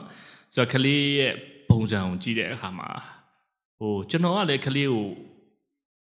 ဒေါနဲ့မောနဲ့မရိုက်ချင်ဘူး။ဘာကြောင့်လဲကျွန်တော်ဘဝအတ္တတာဖြတ်တန်းခဲ့တဲ့အတွေ့အကြုံကျွန်တော်ယူတယ်လေ။နော်။ဆိုတော့ကျွန်တော်တို့ဆုံးမခဲ့တဲ့ခါမှာမိဘအောက်ထင်တော့ကျွန်တော်တို့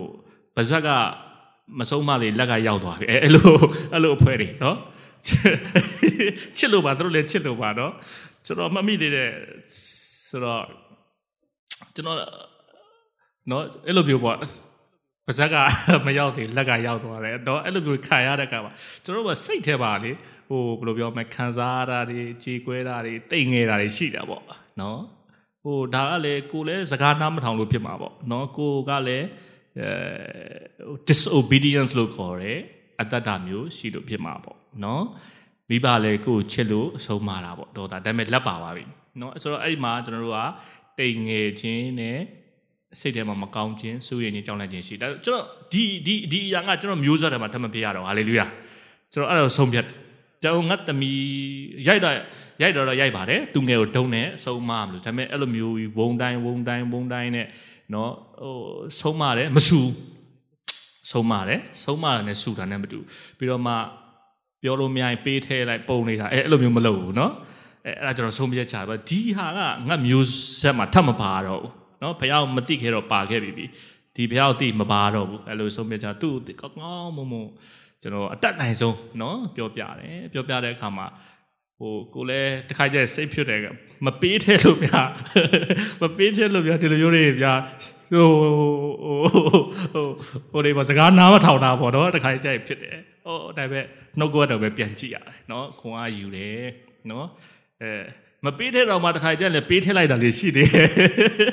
လွတ်သွားပြီတော့လုံးလုံးမပေးထဲဆိုရင်တော့မှားတယ်နော်ဒါပေမဲ့တခါကျလည်းပေးထဲလိုက်တာနော်ဒုတ်တွေပါတွေကုန်သွားတာရှိသေးတယ်ဒါပေမဲ့မများမများပါဘူးနော်တစ်ချိန်နှစ်ချိန်လောက်ထင်တယ်နော်ဆိုတော့အဲ့လိုမျိုးလေးပေါ့ဆိုတော့အဲ့လိုမျိုးလေးရှိတယ်နော်ဒါပေမဲ့စိတ်ထဲမှာဒါမှားတယ်ဝိညာဉ်တော်လည်းတွန့်တင်တယ်နော်ဝိညာဉ်တော်တွန့်တင်နော်တေဝိညာဉ်တော်နဲ့တင်ပြဝိညာဉ်တော်တင်တွန့်တင်မှာဖြစ်တယ်အာမင်ဒါမှားတယ်ကျွန်တော်မပြောတော့ အတွင်းထဲမှာအတွင်းထဲမှာတခုခုဟိုဘိုက်စားတယ်လို့လို့ဟိုလမ်းမဆောက်နိုင်တော့လို့လို့အဲ့လိုတွေဖြစ်လာတယ်နော်ဟိုအမှားလုပ်တဲ့အခါကျလို့ရှိဆိုတော့အဲ့ဒါနဲ့ကျွန်တော်ကသူအကောင်းမွန်ဆုံးပဲတွန်တင်တယ်တွန်တင်တယ်ဘုရားမလည်းဉာဏ်ပညာတောင်းတယ်ဘုရားသခင်ဘယ်လိုလုပ်ရမလဲနော်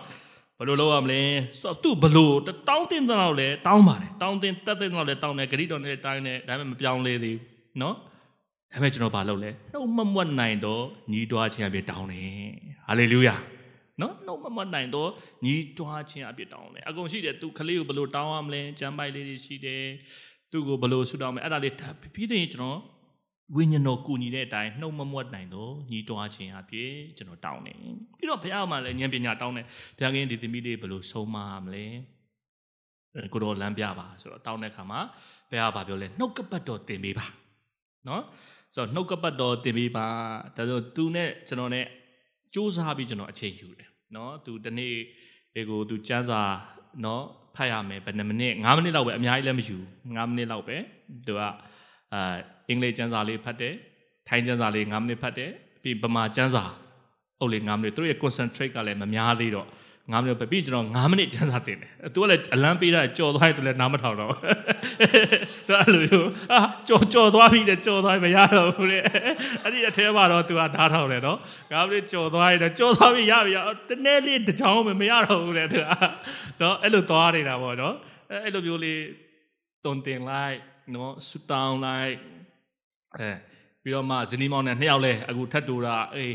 တယောက်တည်းတောင်းအတူတူကတောင်းကြမယ်အဲ့လိုမျိုးတွေလည်းလောက်ကြတယ်လေဆိုတော့လောက်ကြတယ်ကဒါလည်းကျွန်တော်တို့အတင်းတော်မှာပါရတဲ့မင်္ဂလာပါကျွန်တော်ကျွန်တော်တို့ဆရာမပြောသလိုမတိမတာတော့မဟုတ်ဘူးเนาะတတိထားပြီးတော့မှနှုတ်ကပတ်တော်လေးဆရာသမားတွေကိုဝิญဉ်ပါခင်လေးเนาะဒီမှာဝิญဉ်ပါခင်ဖဖိုးတို့လာတယ်တွန့်တဲ့မှာဒါလေးအမှတ်ထားတယ်လေအဲကျန်းစာအုပ်ယူလာတယ်နှုတ်စာအုပ်ယူလာတယ်ဒါရေးထားတာတွေကအကြောင်းပဲမဟုတ်ပေါ့ကလေးတွေကိုဘယ်လိုမျိုးဘုရားတွေကအဲ့ဒါနေအဖြစ်လည်းဉာဏ်ပညာပေးတာပေါ့နော် ဆိုတော့အဲ့လိုဆူတောင်းတယ် တုံတင်တယ်နှုံမမွတ်နိုင်တော့ညီတော်အပြင်ဆူတောင်းတဲ့အခါမှာသူ့အမေကဒီဆယ်နှစ်မြောက်ကျေးဇူးတော်ချီးမွမ်းခြင်းကိုချီးမွမ်းတဲ့အခါမှာဘာပြောလဲဆိုတော့သူ့သမီးကလိမ်မာလာတယ်တဲ့ဟာလေလုယာဟာလေလုယာအော်ဒါဘုရားသခင်ရဲ့ကျေးဇူးတော်မြတ်ကိုချီးမွမ်းတယ်ဒါပါလေဝိညာဉ်တော်ကကျွန်တော်တို့ကိုနှုတ်မမွတ်နိုင်တော့ညီတော်ချင်းအပြည့်ကူညီပါစားဒီဝိညာဉ်တော်ရဲ့ဗတ္တိဇံခံရင်နှုတ်မမွတ်နိုင်တော့ညီတော်ချင်းအပြည့်တင်ညီတော်တက်လာမယ်ဝိညာဉ်တော်ဒီတင်းကိုမားစားမှာဖြစ်တယ်အာမင်အာမင် ပြီးတော့မှကျွန်တော်တို့ကြည့်ရအောင်တစ်ကောအခန်းကြီး14အခန်းငယ်4ကိုလည်းကျွန်တော်တို့ကြည့်ရအောင်တစ်ကောအခန်းကြီး14အခန်းငယ်4ကိုကျွန်တော်ကြည့်အောင်တွေ့ဖတ်မယ်ခြားသောဘာသာစကားဖြင့်ပြောသောသူသည် ကိုကိုသာတိဆောက်၏ပရောဖက်ပြုသောသူမူကားအသင်းတော်ကိုတိဆောက်၏ဟာလေလုယာ ဒီမှာဗာပြောလဲကိုကိုသာတိဆောက်၏အာမင်တင်ဝိညာဉ်တော်နဲ့တင်ပရိစ္ဆန်ခံပြီးလာတဲ့အခါမှာတင်ဝိညာဉ်တော်နဲ့တင်ပရိစ္ဆန်ခံပြီးလာတဲ့အခါမှာတင်ဆုတောင်းတဲ့အခါမှာတင်ကိုကိုတိဆောက်ပေးတယ်အာမင်တင့်ကိုကိုတင့်ရဲ့ကိုကိုတိဆောက်ပေးတယ်တင့်ကိုတိဆောက်ပေးတယ်ဆိုတာကတင့်ရဲ့ဝိညာဉ်ကိုတိဆောက်ပေးတာဖြစ်တယ်တင့်ဝိညာဉ်ကိုတိဆောက်ပေးတယ် ဒီအပြင်ဝိညာဉ်ကိုတိဆောက်ပေးမယ်ဆိုရင်ဘာဖြစ်လဲဆိုရင်ဝိညာဉ်ရေးရာမှာကြီးထွားတာဖြစ်တယ်ဟာလေလုယာဝိညာဉ်ရေးရာမှာကြီးထွားခြင်းကိုဖြစ်စေတယ်ဝိညာဉ်ရေးရာနဲ့ကျွန်တော်တို့တန်ရှင်းသောဝိညာဉ်နဲ့ပရိစ္ဆန်ခံခြင်းဟာတန်ရှင်းသောဝိညာဉ်နဲ့ပရိစ္ဆန်ခံပြီးတော့မှနော်ကျွန်တော်တို့ဆူတောင်းတဲ့ခါမှာကျွန်တော်ရဲ့အသက်တာထဲမှာဘာကိုဖြစ်စေလဲဆိုရင်ဝိညာဉ်ရေးရာနဲ့အသက်တာမှာကြီးထွားခြင်းကိုလည်းပဲဖြစ်စေတယ်ဝိညာဉ်ရေးရာမှာကျွန်တော်တို့ ကိုယ့်ရဲ့ဝိညာဉ်ရေးရာသည်ကြီးထွားခြင်းပေါ့ဝိကြီးထွားခြင်းကိုအာဖျားနဲ့တံတူခြင်းနော်ဖျားဖျားကြိုက်တာကိုကျွန်တော်တို့လှုပ်ချင်တယ်ဖျားမကြိုက်တာကိုဆိုရင်ကျွန်တော်တို့မလှုပ်ချင်တော့ဘူးနော်ဟိုကိုဖျားနဲ့စိတ်တော်နဲ့တွေ့ထိစွာနဲ့အသက်ရှင်နေတာပေါ့နော်အာအမားတွေတော့လည်းရှိရှိမယ်မှားကောင်းမှာတိုးတော့လဲတင်းရဲ့စိတ်ထဲမှာတရားဘာကို focus ထားနေလဲဆိုတော့တင်ဒီ ဖခင်ရဲ့အလိုတော်ပဲတင်ဆောင်ခြင်းတယ်ဖခင်ရဲ့စိတ်တော်နဲ့တွေ့ထိတာပဲတင်အသက်ရှင်ခြင်းတယ်ဖခင်သခင်တင့်ကိုဒီကဘာမြေကြီးမှာထားတဲ့ရည်ရွယ်ချက်ရှိတယ်အဲ့ဒီရည်ရွယ်ချက်တွေကိုပဲတင်ပြီးမြောက်ပြီးပြည့်စုံအောင်လုပ်ခြင်းတော်တယ်ဟာလေလုယာအာမင်အဲ့ဒါဒီကျွန်တော်တို့ဝိညာဉ်ရေးရွာနဲ့ကြီးထွားခြင်းကိုကျွန်တော်တို့ကိုဖြစ်စေတာဖြစ်ပါတယ်ပြီးတော့မှကျွန်တော်ကြည့်အောင်ယူဒအခန်းကြီး1အခန်းငယ်20ကိုကျွန်တော်ကြည့်အောင် ယူဒအခန်းကြီး1အခန်းငယ်20ဗျာဒိတ်အရှိမှာပေါ့နော်ယူဒဆိုရင်တော့အခန်းကြီးကတစ်ခန်းနဲ့ရှိရယ်20ကိုကျွန်တော်တို့ဖတ်ရအောင်တွင်ဖတ်ရအောင်တင်းနှစ်သုံးချစ်သူတို့တင်တို့သည်မိမိတို့အလွန်တန့်ရှင်းသောယုံကြည်ခြင်းအပေါ်မှာမိမိတို့ကိုတိဆောက်လျက်တန်ရှင်းသောဝိညာဉ်တော်အားဖြင့်ဆုတောင်းပတနာပြုလျက်အာမင်အာမင် တင်ဒီတန်ရှင်းသောဝိညာဉ်တော်နဲ့ပရိဇံခံပြီးတဲ့အခါမှာတင်းရဲ့တတ်တာထဲမှာဘာပြုတ်နိုင်လဲဆိုရင်တန်ရှင်းသောဝိညာဉ်တော်အားဖြင့်ဆုတောင်းပန္နာပြုတ်နိုင်တယ်။ဝိညာဉ်တော်အားဖြင့်တင်ဆုတောင်းနိုင်တယ်။ဝိညာဉ်တော်အားဖြင့်တင်ဆုတောင်းမယ်ဆိုရင်ဘာတွေ့ရလဲ။ချစ်သူတို့တင်တို့သည်မိမိတို့အလွန်တန်ရှင်းသောယုံကြည်ခြင်းအပေါ်မှာနော်ကိုယ့်ရဲ့ယုံကြည်ခြင်းအပေါ်မှာနော် ပြည့်ယုံကြည်ယုံကြည်အပေါ်မှာလို့ပြောတဲ့အခါမှာဒီနေ့ကျွန်တော်ယုံကြည်သူအရောက်တိုင်းစီထဲမှာယုံကြည်ခြင်းရှိတယ်။ဘယ်အချိန်ကကျွန်တော်တို့လက်ခံခဲ့ရတယ်လဲ။ခရစ်တော်ကိုယုံကြည်လက်ခံတဲ့အချိန်မှာဖြစ်တယ်။ယုံကြည်ခြင်းအရောက်တိုင်းယုံကြည်မရှိဘူးမပြောနဲ့ယုံကြည်အရောက်တိုင်းမှာရှိတယ်။အာမင်။ဒါကြောင့်မို့လို့ယေရှုကပြောလဲမုံညင်းစီမြလောက်သောယုံကြည်ရှိလျင်ဤတောင်ကိုနေရာမှာရွေးလောပင်လယ်နဲ့ကြစီလို့ဆိုလျင်သင်တို့ဆိုတဲ့အတိုင်းဖြစ်လိမ့်မယ်လို့ပြောထားတယ်။ ဒါကြောင့်ကျွန်တော်ယုံကြည်သူတွေမှာယုံကြည်တော့ယုံကြည်ခြင်းကကျွန်တော်တို့ရှိပြီးသားပါ။ယုံခြင်းမရှိတာမဟုတ်အရောက်တိုင်းမှာကျွန်တော်တို့ယုံကြည်ခြင်းရှိတယ်။နော်ယုံကြည်ခြင်းအဲ့ဒီယုံကြည်ခြင်းအပေါ်မှာမိမိတို့ကိုတိဆောက်လျက်တဲ့အဲ့ဒီယုံကြည်ခြင်းပေါ်မှာကျွန်တော်တို့ကကိုကိုတီကိုမိမိတို့ကိုတီဆောက်ရမယ့်အခါမှာခုနကကျွန်တော်ပြောသလိုပေါ့တစ်ကောထဲမှာပြောသွားတဲ့အခါမှာကျွန်တော်ရဲ့ဝိညာဉ်ရောက်တီဆောက်တယ် ထိုဒီတာမကမနဲ့အဲ့ဒီယုံကြည်ခြင်းအပေါ်မှာမိမိတို့ကိုတီဆောက်ပါလို့ပြောတဲ့အခါမှာကျွန်တော်တို့ရဲ့ယုံကြည်ခြင်းနဲ့တီဆောက်ခြင်းရှိတာဖြစ်တယ်ဟာလေလုယာကျွန်တော်ရဲ့ယုံကြည်ခြင်းလည်းဘာဖြစ်လဲတိဆောက်ခြင်းရှိကျွန်တော်တို့ရဲ့ဝိညာဉ်ရေးရလဲဘာဖြစ်လဲတိဆောက်ခြင်းရှိတယ်ကျွန်တော်တို့ရဲ့ယုံကြည်ခြင်းလည်းပဲတိဆောက်ခြင်းရှိတယ်ယုံကြည်တိဆောက်ခြင်းရှိရင်ဘာဖြစ်မှာလဲယုံကြည်ခြင်းကြီးထွားမှာပေါ့ဟာလေလုယာအာမင်အဲ့ဒါပါလေ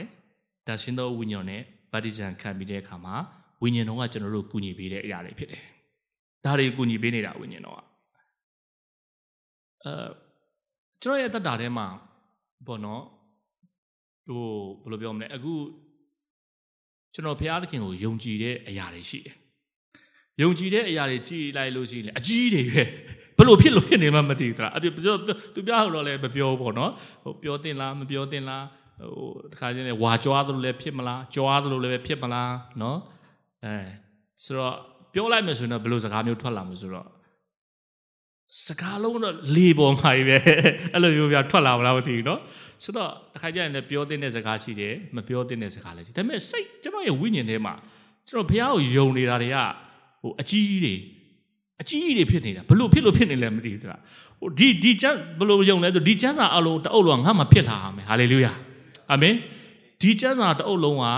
ငါရဲ့အသက်တာထဲမှာဖြစ်လာဖြစ်ချင်တယ်နော်ဟိုကောင်းကြီးပဲပြောတာမဟုတ်ပါဘူးနော်ကျွန်တော်တို့ဝိညာဉ်ပိုင်းဆိုင်ရာစိတ်ပိုင်းဆိုင်ရာဖြစ်ချင်တယ်အဲ့လိုတွေယုံကြည်နေဘာကြောင့်လဲကျွန်တော်စဉ်းစားနေကောင်အော်ကျွန်တော်ဝိညာဉ်နဲ့ဆုတောင်းနိုင်ဆုတောင်းနိုင်မှာကျွန်တော်ရဲ့ယုံကြည်ခြင်းကတိဆောက်ခြင်းရှိနေတာဟုတ်အာမင်ဟုတ်ပါတယ်ယုံကြည်ခြင်းတိဆောက်ခြင်းလို့ပြောလာတဲ့အခါမှာယုံကြည်ခြင်းကကျွန်တော်အဓိကတိဆောက်ပေးတာနှုတ်ကပတ်တော်ဖြစ်ပါတယ် နှုတ်ကပတ်တော်နဲ့များများကျွန်တော်အချိန်ယူရင်ယုံကြည်တိဆောက်တယ်နှုတ်ကပတ်တော်နဲ့ကျွန်တော်များများအချိန်ယူရင်ကျွန်တော်ရဲ့ဝိညာဉ်ရပါပြီလေကြီးထွားဒါပေမဲ့ဝိညာဉ်တော်နဲ့ဗတ္တိဇံခံပြီးသွားတဲ့အခါမှာဝိညာဉ်တော်အပြည့်တင်ဆုတောင်းလေသင်ရဲ့ဝိညာဉ်ရေးကကြီးထွားတယ်တဲ့ဟာလေလုယာသင်ရဲ့ယုံကြည်ခြင်းဘာဖြစ်လဲကြီးထွားတယ်ဆိုတော့ကျွန်တော်တို့ဒီလိုမျိုးအပြည့်တန်ရှင်သောဝိညာဉ်တော်ကကျွန်တော်တို့ဘာလုပ်ပေးတယ်လဲကုညီပေးတယ်လမ်းပြပေးတယ်ဆိုတော့ကိုကျွန်တော်တို့နားလည်ရပါတယ် ဒါဆိုဒီမှာရှိတဲ့ညီကိုမောင်မအဲ့လိုမျိုးအကူအညီတွေမလိုချင်ဘူးလားလိုချင်တယ်เนาะဒါကျွန်တော်တို့အချိန်ရသလောက်လေးပေါ့ဒါအဓိကလေးကိုကျွန်တော်ကြည့်ကြည့်တာပေါ့တက်တည်ဖြစ်အောင်ကျွန်တော်တို့မလုပ်ပေးမလဲကူညီပေးမယ်ကျွန်တော်တို့ကိုဆွတောင်းတဲ့အခါမှာเนาะကျွန်တော်တို့ကိုအာကူညီပေးမယ်ကျွန်တော်တို့ရဲ့ဝိညာဉ်ရေးရာကိုတည်ဆောက်ပေးမယ်ကျွန်တော်တို့ရဲ့ယုံကြည်ခြင်းကိုတည်ဆောက်ပေးမယ်เนาะဒါရှင်တော်ဝိညာဉ်တော်ဒီကူညီပေးသောအရှင် ကူညီပေးသောသူဖြစ်သောကြောင့်ဒီလိုနီလန်းတွေနဲ့ကျွန်တော်တို့ကိုကူညီပေးမှာဖြစ်တယ်ဒီအတွက်တကိုးတွေကိုကျွန်တော်တို့ဗာပြလဲမလဲပေးပါမယ်ခဏကဆရာပြောသွားတယ်နော်ကျွန်တော်တို့ dynamite တို့နော်အဲနော်ဟလာကျွန်တော်တို့ပောက်ကွဲစီတက်တော်အရာပေါ့ dynamo တို့နော်ဒီလိုမျိုးအဖြစ်တကိုးတွေအဖြစ်နော်ကျွန်တော်တို့ကိုဘုရားကကူညီပေးမယ်တကယ်ပါကျွန်တော်တို့ဒီတန်ရှင်းသောဝိညာဉ်တော်နဲ့ပရိစ္ဆန်ခံပြီးတဲ့အခါမှာ မြောက်များဆိုတော့တက်တည်ခံစားရတယ်ကျွန်တော်တို့ဒီမှာလာတစင်းသုံးည Brazilian ကိုကျွန်တော်ကြားတဲ့အခါဘာမှကြားလဲဆိုရင် MCA SOW တင်တန်းမှာစပြီးကြားပါတယ်ပြီးတော့မှဆရာတော်ဦးစောမင်းလည်းကျွန်တော်တို့အသင်းတော်လာပြီးတော့မှသူအမြဲတမ်းကြောက်တင်မုန်းတယ်နော်ဆရာအမြဲတမ်းတုံတင်ပေးတယ်သူရှင်းပြတယ်ကြောက်တင်မုန်းတယ်ပြီးတော့အမြဲတမ်းဆရာဥပမာပေးတဲ့အရာကသူ့ရဲ့ကာစီတာတိုင်းပေါ့နော်အဲ့ဒါလည်းအမြဲတမ်းဟိုပေါ့ဆွဲနေတယ်ဆရာပြောပြတော့တဲ့အရာလေကျွန်တော်တို့ဘလို့တကူကိုရတယ်လဲ ကျွန်တော်တို့မှနော်ဒီ dynamo နော် dynamite ကဲ့သို့သောတကူကိုကျွန်တော်တို့ဘယ်လိုရပြီးတော့မှတက်တည်ဖြစ်သွားတယ်လဲဆိုတော့အရာကိုကျွန်တော်တို့ကြားခဲ့ရတာဖြစ်ကြားခဲ့တဲ့အတိုင်းလဲဖရာသခင်ကဒီနေ့တက်တည်ထူနေပြီ။ဘာတက်တည်လဲပြောပြမယ်။အခုကျွန်တော်တို့ဒီ MCA ရဲ့ပလင်ပေါ့နော် MCA ပလင်ဒီပေါ်မှာတက်ပြီးဖရာကောင်းမြတ်ကြောင်ပြောဖို့ဆိုတာမလွယ်ဘူး။ ဖရာမလို့ဆိုလို့ရှိရင်လေ။ဘာကြောင့်လဲဆိုတော့ကျွန်တော်ဒီတက်တွေလည်းကျွန်တော်တို့ခံဘူးတဲ့။အိုးကျွန်တော်တို့ပြောင်းလဲခါစားဆိုရင်ကျွန်တော်တို့ကဖတ်တရားကနေ MCA ဘန်ကောက်အသင်းတော်ကျွန်တော်တို့လာတယ်လေ။ဒီမှာမပြောင်းသေးဒီမှာမပြောင်းသေးအဲ့တော့ဆိုအဟောင်းမှာအိတ်ကမိုင်16မှာလာတယ်။ဟိုထိုင်လို့ရှိကျွန်တော်တို့ကအနောက်ဆုံးမှာကျွန်တော်တို့ထိုင်တယ်နော်။ဒီမှာဆရာတော့လည်းဝิญဉ်ဘာခင်နေရှိတယ်ကျွန်တော်တို့ဝิญဉ်ဘာခင်နေဆရာတို့ပဲတက်လာတယ်တရား အာတရားတွေဟောတယ်ဘုရားရဲ့နှုတ်ကပတ်တော်တွေပြောပြတယ်တခြားယုံကြည်လက်တက်လာတာပေါ့ကျွန်တော်တို့ကဟိုအနောက်ကနေပဲတေးသေးလေးပဲကျွန်တော်မြင်ရတာဆရာတွေညီကောင်မောင်မတွေနော်ဒါပေမဲ့ဖခင်ရဲ့တက်တည်ဖြစ်ခြင်းဖခင်ရဲ့မဆခြင်းတော့ကြောင့်ဒီနေ့ဆိုရင်တော့ ဒီနေ့ MCA ရဲ့เนาะဒီတရားဟောရာပလင်ကနေပြီးတော့ဘုရားရဲ့ကောင်းမြတ်ကြောင်းကိုပြောရတဲ့အခွင့်ကိုဘုရားသခင်ပေးတာဖြစ်တယ်ဟာလေလုယာအာမင်အဲ့ဒါပါလေတတိ အဲ့ဒါတတိအဲ့ဒါဘယ်သူကမဆာလဲဝိညာဉ်တော်မဆာတော်ကြောင့်ဖြစ်တယ်ဝိညာဉ်တော်မဆာတော်ကြောင့်ဝိညာဉ်တော်မဆာလို့ပဲကျွန်တော်တို့ကဒီလိုမျိုးဘုရားရဲ့နှုတ်ကပတ်တော်ပြောနိုင်တာကျွန်တော်တို့ပဲပြောမှဆိုဒီမှာရှိတဲ့ညီကိုမောင်မတွေလည်းတယောက်မှလည်းနားထောင်မှာပေါ့နော်ဟိုနားထောင်လည်းအိပ်ပျော်လည်းအိပ်ပြအိပ်မယ်အိမ်ငိုက်လည်းအိမ်ငိုက်မှာပေါ့နော်ဒါပေမဲ့ဝိညာဉ်တော်ကတော့ကျွန်တော်တို့ကိုနှုတ်ကပတ်တော်ပေးနေတာဟာလေလုယာအာမင် နှုတ်ကပတ်တော်ပေးနေတာနှုတ်ကပတ်တော်ကိုမဆာနေတာပြောနေတာလမ်းပြနေတာဖြစ်တယ်ဒါကြောင့်မို့လို့ဖခင်ကောမြတ်ကြောင်းကိုနားထောင်ကြတာဖြစ်တယ်ဒါကဘာကြောင့်လဲဒါရှင်တော်ဝိညာဉ်တော်နဲ့အဲပရိဇံခံခြင်းရဲ့တက်တည်တစ်မျိုးကြောင့်ဖြစ်တယ်နော်လုကာအခန်းကြီး7အခန်းငယ်9ကနေ73ကျွန်တော်ကြည့်အောင်လုကာအခန်းကြီး7အခန်းငယ်9ကနေ73ဒီကျွန်တော်ကြည့်အောင် လုကာအခန်းကြီး7 9ကနေ73တွေ့ရင်ဖတ်ရအောင်1 2 3တဖန်ငါဆိုဒီကတောင်းကြလော့တောင်းလျင်ရမည်ရှာကြလော့ရှာလျင်တွေ့မည်တကားကိုခောက်ကြလော့ခောက်လျင်ဖွင့်မည်တောင်းသောသူမီဒီကရ၏ရှာသောသူသည်လည်းတွေ့ခောက်သောသူအားလည်းတကားကိုဖွင့်၏တင်တို့တွင်အဘဖြစ်သောသူသည်တာအဘသွဲသောသူ၌တာသည်မုတ်ကိုတောင်းလျင် အဘသည်ကြောက်ကိုပေးမိလောငါးကိုတောင်းလျင်ငါးအစား၌မွေကိုပေးမိလောဥကိုတောင်းလျင်ကင်းမိကောက်ကိုပေးမိလောတင်တို့သည်အစိုးဖြစ်လျက်ပင်ကိုသားတို့အားကောင်းသောအရာကိုပေးတတ်လျင်ထိုမြမကကောင်းကင်ဘုံ၌ရှိတော်မူသောတင်တို့အဖသည်ဆုတောင်းသောသူတို့အားတန်ရှင်းသောဝိညာဉ်တော်ကိုတာ၍ပေးတော်မူမည်မဟုတ်လောဟုမိန့်တော်မူ၏အာမင်ဒါကကျွန်တော်တို့တောင်း ဖခင်ကကျွန်တော်တို့ကိုဒီမှာလောကဖခင်နဲ့သူ့ရဲ့နှလုံးသားနဲ့ကျွန်တော်တို့ကိုနိုင်ရှင်ပြနေတာဖြစ်တယ်။နော်လောကဖခင်တွေတောင်မှသူတို့ရဲ့သားသမီးတွေကိုတောင်းလို့ရှိရင်မကောင်းတဲ့အရာကိုမပေးပါဘူး။မုတ်တောင်းရင်ကြောက်ကိုမပေးဘူး။ငါးကိုတောင်းရင်မွေကိုမပေးဘူး။နော်ပြီးတော့မှကျွန်တော်တို့ဥကိုတောင်းရင်ကီမီကောက်ကိုမပေးဘူး။နော်ပြောချင်တာတောင်းတဲ့အရာပဲပေးမှာပေါ့။နော် ကောင်းတဲ့အရာကိုပေးမယ်ကောင်းသောအရာကိုပေးမယ်ဆိုလို့ရှိရင်ကျွန်တော်တို့ကောင်းကင်ဘုံအဖကကျွန်တော်တောင်းတဲ့ခါမှာတာ၍ကောင်းမွန်သောအရာကိုသာပေးမှာဖြစ်တယ်။အာမင်။တာ၍ကောင်းမွန်သောအရာကိုပေးမှာဖြစ်တယ်။အဲ့ဒီတာ၍ကောင်းမွန်သောအရာကိုပေးမယ်လို့ကျွန်တော်ကြည့်တဲ့ခါမှာဘာကိုပြောတာလဲ။ထိုမြမက73ရဲ့ဒုတိယပိုင်းလောက်မှာထိုမြမကကောင်းကင်ဘုံ၌ရှိတော်မူသောတင်တို့အဖသည်ဆုတောင်းသောသူတို့အားတန်ရှင်းသောဝိညာဉ်တော်ကို တာ၍ပေးတော်မူမည်မဟုတ်လောဟုမိန့်တော်မူ၏တင်ဆုတောင်းရင်ဘုရားကတန်ရှင်းသောဝိညာဉ်တော်ကိုပေးမှဖြစ်တယ်အာမင်ဒါ၍ကောင်းတဲ့အရာပါလေတန်ရှင်းသောဝိညာဉ်တော်တန်ရှင်းသောဝိညာဉ်တော်နဲ့ဗတ္တိဇံခံခြင်းကိုတင့်ကိုဘုရားသခင်ပေးမှဖြစ်တယ်ဒါဆိုရင်တန်ရှင်းသောဝိညာဉ်တော်နဲ့ဗတ္တိဇံခံခြင်းကိုတင်ကဘယ်လိုယူလို့ရလဲဆုတောင်းခြင်းအဖြစ်တင်ယူလို့ရတယ်အာမင် တင်ဆုတောင်းမှာဆာငတ်ပါတိပါနော်ဆာငတ်ပါတိပါဒါဒီဘုရားရဲ့ဂတိတော်ဆိုတာဖြစ်တယ်ယုံကြည်သူအရောက်တိုင်းစီအတွက်ဘုရားခင်ပေးထားတယ်ဆိုတော့တိပါတိပြီးတော့မှကျွန်တော်တို့ဆာငတ်ပါတောင်းတပါလိုချင်ပါအဲ့ဒီစိတ်နှလုံးသားနဲ့တောင်းပါတင်တောင်းခြင်းတောင်းမယ်ဆိုရင်ဘုရားသခင်ကပေးမှာဖြစ်တယ်နော်ပေးတဲ့အခါမှာဘုရားကတင်သက်ရှင်သောဝိညာဉ်ကိုတောင်းတဲ့အခါမှာမကောင်းတဲ့အရာကိုမပေးဘူးလို့တင်ယုံကြည်ထားပါဘာပဲပေးမှာလဲ တန်ရှင်းသောဝိညာဉ်တော်ကိုပဲပေးမယ်တန်ရှင်းသောဝိညာဉ်တော်ကိုပေးမယ်တန်ရှင်းသောဝိညာဉ်တော်နဲ့ဗတ္တိဇံခံခြင်းကိုပဲဘုရားကပေးမယ်ဆိုတာတင်ယုံကြည်ပြီးတော့မှတောင်းတပြီးတော့မှစာငတ်ပြီးတော့ဘုရားခင်တောင်းပေးပါတမီးကိုပေးပါဆိုရင်တင်တောင်းပါတမန်ကျမ်းစာထဲမှာအဲ့လိုမျိုးတောင်းပြီးတော့မှရသွားတဲ့သူတွေရှိတယ်အာမင်တမန်ကျမ်းစာထဲမှာရှိတယ်ဒါကြောင့်မလို့တောင်းမှာကျွန်တော်တို့ဘုရားနဲ့ဝတ်ပြုကိုးကွယ်တဲ့အချိန်မှာတော့၎င်း ကျွန်တော် devotion လုပ်တဲ့အချိန်မှာတော့လကောင်းနော်ကျွန်တော်ဖះနဲ့အချိန်ယူနေကျွန်တော်ဖះခင်ကိုရောရဲ့ဂတိတော်ဟာနော်ကျွန်တော်ကျမတို့တည်ပြီးသားတို့သမီးတို့တည်ပြီးတန်ရှင်းသောဝိညာဉ်တော်ပေးဖို့ဖြစ်တယ်ဝိညာဉ်တော်ရဲ့ပရိစ္ဆန်ခံခြင်းကိုပေးဖို့ဖြစ်တယ်လိုချင်တယ်ဆိုပြီးတော့တင်စာငတ်တော်နှလုံးသားနဲ့တင်တောင်းနေပါအာမင်ဘုရားသခင်ကမာစာနိုင်တာဖြစ်တယ်ဒါပေမဲ့တိဖို့ရန်တော့လိုတယ်နော်တိဖို့ရန်တော့လိုတာဖြစ်တယ်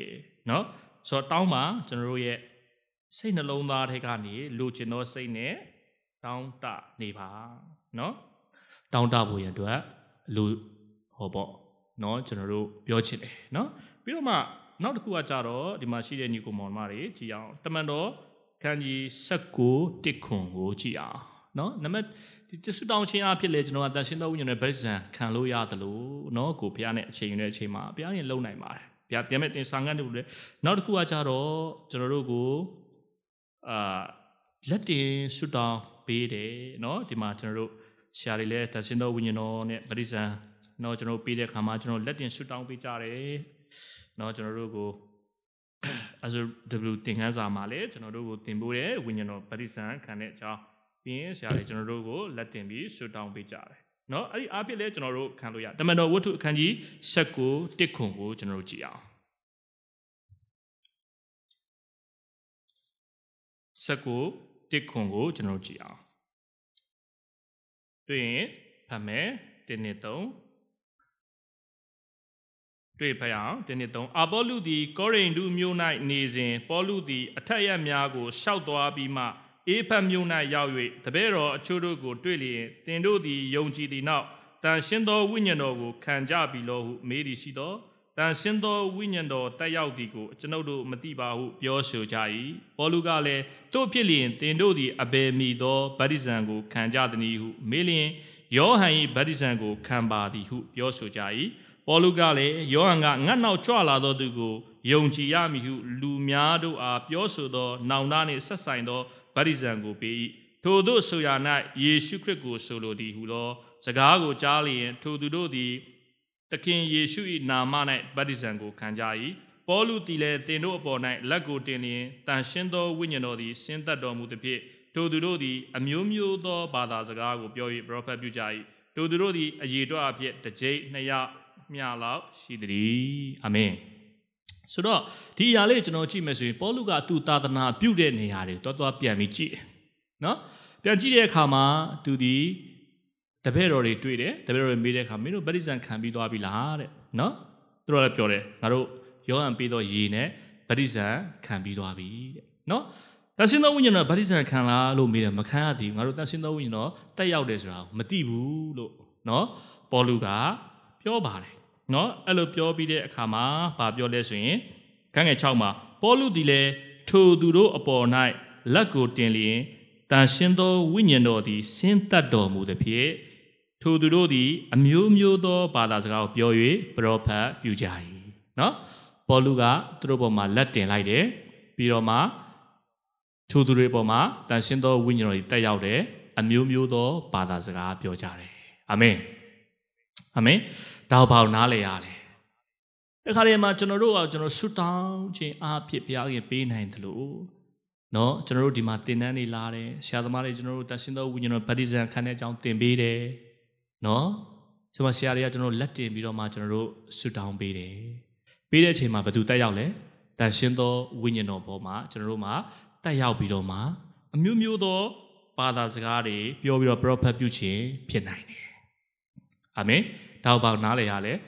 လက်တင်ပြီးတော့မှရှုတောင်းပေးခြင်းအဖြစ်လေတန်ရှင်သောဝိညာဉ်တော်နဲ့ဗတ္တိဇံကိုကျွန်တော်တို့ခံယူလို့ရတာဖြစ်တယ်လက်ဘုရားသခင်ရဲ့ဝိညာဉ်တော်ဒီကျွန်တော်တို့ပေါ်မှာတက်ရောက်လာတာဖြစ်တယ်အာမင်ပြီးတော့မှတမန်တော်နော်တမန်တော်အာနှစ်တစ်ကနေ၄ထီကျွန်တော်တို့ကြည့်အောင်ဆာငတ်ကြပါအကြီးမားသောအရာတွေတို့ထက်ဘုရားသခင်ပြင်ဆင်ထားပေးတယ်အဲ့ဒီထဲက အဲ့ဒါအဲ့ဒီထဲမှာမှနော်ကျွန်တော်တို့ဒါကဘုရားရဲ့ဂရိတော်ဖြစ်တဲ့ဒါရှင်သောဝိညာဉ်တော်ပရိစ္ဆန်ခံခြင်းကတခုပါတယ်နော်သို့တော်လည်းနော်ခရစ်တော်ရဲ့ခန္ဓာကိုယ်ထဲမှာကျွန်တော်တို့အမျိုးမျိုးသောယုံကြည်မှုတွေရှိတယ်ဒါပေမဲ့ကျွန်တော်မေတ္တာနဲ့ကျွန်တော်တို့ရှောက်လန့်ဖို့ရန်အတွက်ဖြစ်တယ်မေတ္တာကအဓိကပဲဘယ်သူနဲ့မှကျွန်တော်တို့အငင်းပွားဖို့ရန်အတွက်မဟုတ်ဘူးဘယ်သူနဲ့မှကျွန်တော်တို့ငင်းခုန်ဖို့ရန်အတွက်မဟုတ်ဘူးနော် အာကျွန်တော်ရဲ့အသက်တာထဲမှာမိမိသိတဲ့အရာမိမိကိုယ်တိုင်နာခံလမ်းလျှောက်ပြီးသူတစ်ပါးတက်တည်မြင်အောင်ပြဖို့ပဲဖြစ်တယ်။အာမင်။ကျွန်တော်တို့ဘယ်သူနဲ့မှလိုက်ငင်းခုံဖို့မဟုတ်ဘူး။တက်တည်ဆိုတာကငင်းခုံပြီးတော့မှပြည်လေသွားတာမဟုတ်တက်တည်ဆိုတာတဲ့အသက်တာမှာမြင်ရင်ဖြစ်သွားမှာဖြစ်တယ်။အာမင်။ဆိုတော့တမန်တော်ဝတ္ထုအခန်းကြီး3အခန်းငယ်1ကနေ4ထိကျွန်တော်တို့ကြည့်အောင်။ Oh sorry 3မဟုတ်2ပေါ့နော် sorry 2ကိုကျွန်တော်ကြည့်မယ်။တမန်တော်ဝတ္ထုအခန်းကြီး2ကိုကျွန်တော်ကြည့်မယ်။ ပင်တေကုတေနေ့ပွဲရောက်သောအခါထိုသူအပေါင်းတို့သည်တညီတညွန့်တည်းစီဝေး၍နေကြ၏။ထိုအခါလေပြင်းမုန်တိုင်းကဲ့သို့သောအတန်သည်တခဏချင်းတွင် ကောင်းကင်မှလာ၍ထိုသူတို့နေထိုင်သောအိမ်ကိုဖြည့်လေ၏။ထိုကဏချင်းတွင်ကွဲပြားသောရှာတို့သည်မိရှာကဲ့သို့ထင်ရှား၍ထိုသူအသီးသီးတို့အပေါ်၌တည်နေကြ၏။ထိုသူအပေါင်းတို့သည်လည်းတန်ရှင်းသောဝိညာဉ်တော်နှင့်ပြည့်၍ဝိညာဉ်တော်သည်ဟောပြောသောအခွင့်ကိုပေးတော်မူသည့်အတိုင်း အမျိုးမျိုးသောဘာသာစကားအဖြစ်ဟောပြောကြ၏အာမင်ဒါကလည်းကျွန်တော်ပင်တေကုတွေနေ့အကြောင်းပြောရဲဆိုတော့ဒီချမ်းပိုက်ကိုကျွန်တော်တို့ကြည့်ဖို့ရန်အတွက်လိုတယ်ဒါကပင်တေကုတွေနေ့မှာတန်ရှင်းသောဝိညာဉ်တော်သူတို့ပေါ်မှာတက်ရောက်လာတာဖြစ်တယ်နော်ဝိညာဉ်တော်နဲ့ဗာတိဇံပေးတာဖြစ်တယ်တခင်ဘုရားရဲ့ဂတိတော်ဖြစ်တယ်နော်ဆိုတော့သူတို့ရဲ့အခန်းထဲမှာတန်ရှင်းသောဝိညာဉ်တော်ဒီတက်ရောက်လာတယ်တက်ရောက်လာတဲ့အခါမှာနော် အခန်းငယ်၄မှာကြည့်မယ်ဆိုရင်ထိုသူအပေါင်းတို့သည်လည်းတန်ရှင်းသောဝိညာဉ်နဲ့ပြည့်ဘာကြောင့်ပြည့်လဲဝိညာဉ်တော်နဲ့ဗာရိဇံပေးတော်ကြောင့်ပြည့်တယ်နော်ဝိညာဉ်တော်သည်ဟောပြောသောအခွင့်ကိုပေးတော်မူသည့်အတိုင်းဟာလေလုယာတင်တန်ရှင်းသောဝိညာဉ်တော်နဲ့တင်ပြည့်ရင်တန်ရှင်းသောဝိညာဉ်တင်ဗာရိဇံခံတယ်တန်ရှင်းသောဝိညာဉ်တော်နဲ့တင်ပြည့်ရင်ဝိညာဉ်တော်သည်ဟောပြောသောအခွင့်ကိုတင်ကိုပေးမယ်ဟာလေလုယာဟာလေလုယာ ဝိညာဉ်တော်သည်ဟောပြောသောအခွင့်ကိုတင့်ကိုပေးမယ်။ဘာကြောင့်လဲကျွန်တော်ကြည့်ရအောင်။ကျွန်တော်တို့လူမှာဘယ်နှပိုင်းရှိလဲ။ကျွန်တော်တို့လူအစ်စ်ကဘယ်နှပါလဲဝိညာဉ်မဟုတ်လား။ဝိညာဉ်ဝိညာဉ်ကျွန်တော်တို့မှာစိတ်မရှိလား။ရှိတယ်။ပြီးတော့ခန္ဓာကိုယ်ထဲမှာမကျိန်းဝတ်နေဘူးလား။ကျိန်းဝတ်နေတယ်။နော်။ဆိုတော့ကျွန်တော်ဒုတိယမွေးခြင်းခံပြီးတဲ့အခါမှာလူမီတီကခရစ်တော်နဲ့ရှိနေအသက်ပြုတော်တော်လို့ပြောသောကြောင့်ကျွန်တော်တို့ရဲ့ဝိညာဉ်ကတရားရဲတော့ပြောင်းလဲသွားပြီဖြောက်မှတ်သွားပြီ။ အဲ့ဒီဝိညာဉ်မှာတန်ရှင်းသောဝိညာဉ်တော်ကျိန်းဝတ်နေတယ်ဟာလေလုယာ။တော့မကျိန်းဝတ်နေလေကျွန်တော်တို့ရဲ့ဝိညာဉ်ထဲမှာတန်ရှင်းသောဝိညာဉ်ကျွန်တော်တို့စိတ်မှာမကျိန်းဝတ်ဘူးကျွန်တော်ခန္ဓာမှာမဟုတ်ဘူးဒီအပိုင်းမှာကျိန်းဝတ်နေလေတန်ရှင်းသောဝိညာဉ်တော်ဒီကျွန်တော်ရဲ့ဝိညာဉ်ထဲမှာကျိန်းဝတ်နေတာဖြစ်တယ်။ဟုတ်ပါတယ်ရှုတော်တစ်ခုကကြည့်တော့ကျွန်တော်ရဲ့ခန္ဓာကိုယ်ထဲမှာနေနေသောကြောင့်ကျွန်တော်ရဲ့ကိုယ်ထဲမှာရှိနေတာပေါ့တန်ရှင်းသောဝိညာဉ်တော် တကယ်တော့ကြည့်မယ်ဆိုရင်ကျွန်တော်ရဲ့ဝိညာဉ်ထဲမှာတန်ရှင်းသောဝိညာဉ်တော်ဒီကျိန်ဝင်နေတယ်ဝိညာဉ်တော်ဒီဟောပြောသောအခွင့်ကိုပေးတယ်လို့ပြောတဲ့အခါကျွန်တော်တို့ရဲ့ဝိညာဉ်ထဲမှာတန်ရှင်းသောဝိညာဉ်တော်ကပြောတဲ့စကားကိုပေးမယ်ဟာလေလုယာဘယ်အချိန်မှာလဲဝိညာဉ်တော်နဲ့ပရိသန်ခံတဲ့အချိန်မှာဘသူကပေးမှာလဲတန်ရှင်းသောဝိညာဉ်တော်ပေးမယ်အာမင်တန်ရှင်းသောဝိညာဉ်တော်ပေးမယ်ဝိညာဉ်တော်ဟောပြောသောအခွင့်ကိုပေးတော်မူတဲ့အမျိုးမျိုးသောဟောနော် ထို့သူအပေါင်းတို့သည်လည်းတန်ရှင်းသောဝိညာဉ်ဖြည့်၍ဝိညာဉ်တော်သည်ဟောပြောသောအခွင့်ကိုပေးတော်မူသည့်တိုင်အမျိုးမျိုးသောဘာသာစကားဖြင့်ဟောပြောကြ၏အာမင်ကျွန်တော်အပေါ်လိုက်ဆိုရအောင်ထို့သူအပေါင်းတို့သည်လို့လိုက်ဆိုရအောင်အာမင်ထို့သူအပေါင်းတို့သည်ပြီးတော့မှအောက်ကိုကျွန်တော်တွားရအောင်အမျိုးမျိုးသောဘာသာစကားအဖြစ်ဟောဘာသာစကားအဖြစ်ဟောပြောကြ၏ထို့သူအပေါင်းတို့သည်ဟောပြောတယ် အာမင်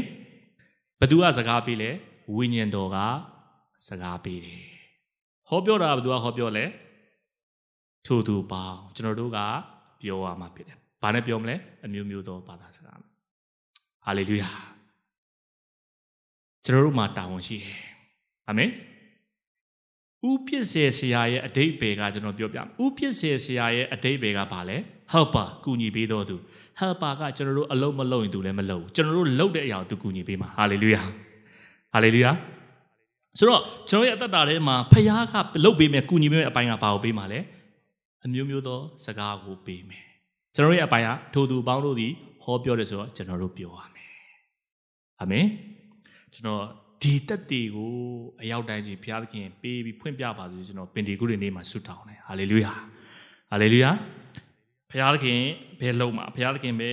မာစာမှာဘုရားသခင်ပဲကျွန်တော်တို့ကောင်းချီးပေးမှာပဲကျမ်းစာကပဲကျွန်တော်တို့ကို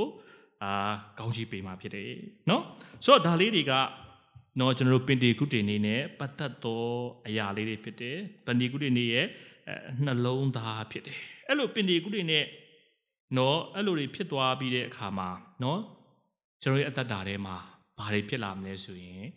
ပေတရုရဲ့အသက်တာကိုကြည့်ပေါ့ ပေတရုရဲ့အသက်တာထဲမှာကျွန်တော်ကြည့်မယ်ဆိုလို့ရှိရင်ကျွန်တော်ဘာတစ်ခုတွေ့ရလဲဆိုရင် तू ကတရားဟောတာလူ3000လောက်ပြောင်းလဲတယ်အာမင်လူ3000လောက်ပြောင်းလဲတယ်ဆိုတာကိုကျွန်တော်တို့တွေ့ရတယ်ဘာလို့ဆိုလို့တာလဲအမှုတော်မြတ်ထဲမှာလဲမြောင်များစွာသောတက်သေးတွေကျွန်တော်တို့ရလာမယ်အာမင်ယုံကြည်သူအရာအတိုင်းစီထဲမှာအသက်တာမှာမိသားစုမှာအာအမှုတော်မြတ်မှာနော် ညောင်များစွာသောတသက်ကျွန်တော်ရလာမှာဖြစ်တယ်ခုနယေရှုရှိတဲ့မြို့မှာတဖြည်းဖြည်းပေါ့ကိုယ့်ရဲ့သက်တာမှာကိုမိသားစုထဲမှာကိုအသင်းတော်ထဲမှာအမြင့်ကြီးစွန့်နိုင်အောင်တက်တည်ဖြစ်ဖို့ဘုရားတဖြည်းဖြည်းကူညီပေးမှာဖြစ်တယ်။အာမင်ဝိညာဉ်တော်ရဲ့အကူအညီမာစာမှုကိုကျွန်တော်တို့ကလိုတာဖြစ်တယ်။ဝိညာဉ်တော်ပါမှာကျွန်တော်ရဲ့အသက်တာထဲမှာရမှာဖြစ်တယ်။နော်ဒါပေမဲ့ကျွန်တော်တို့တောင်းတဖို့လိုတယ်လိုချင်ဖို့လိုတယ်ဆန္ဒ ရှိဖို့ရန်အတွက်ကျွန်တော်တို့ရဲ့အသက်တာထဲမှာလိုတယ်ဝိညာဉ်တော်ကကျွန်တော်မှာစားမယ်ဝိညာဉ်တော်ကကျွန်တော်တို့ကိုကောင်းချီးပေးမယ်မြောင်များစွာသောတက်တည်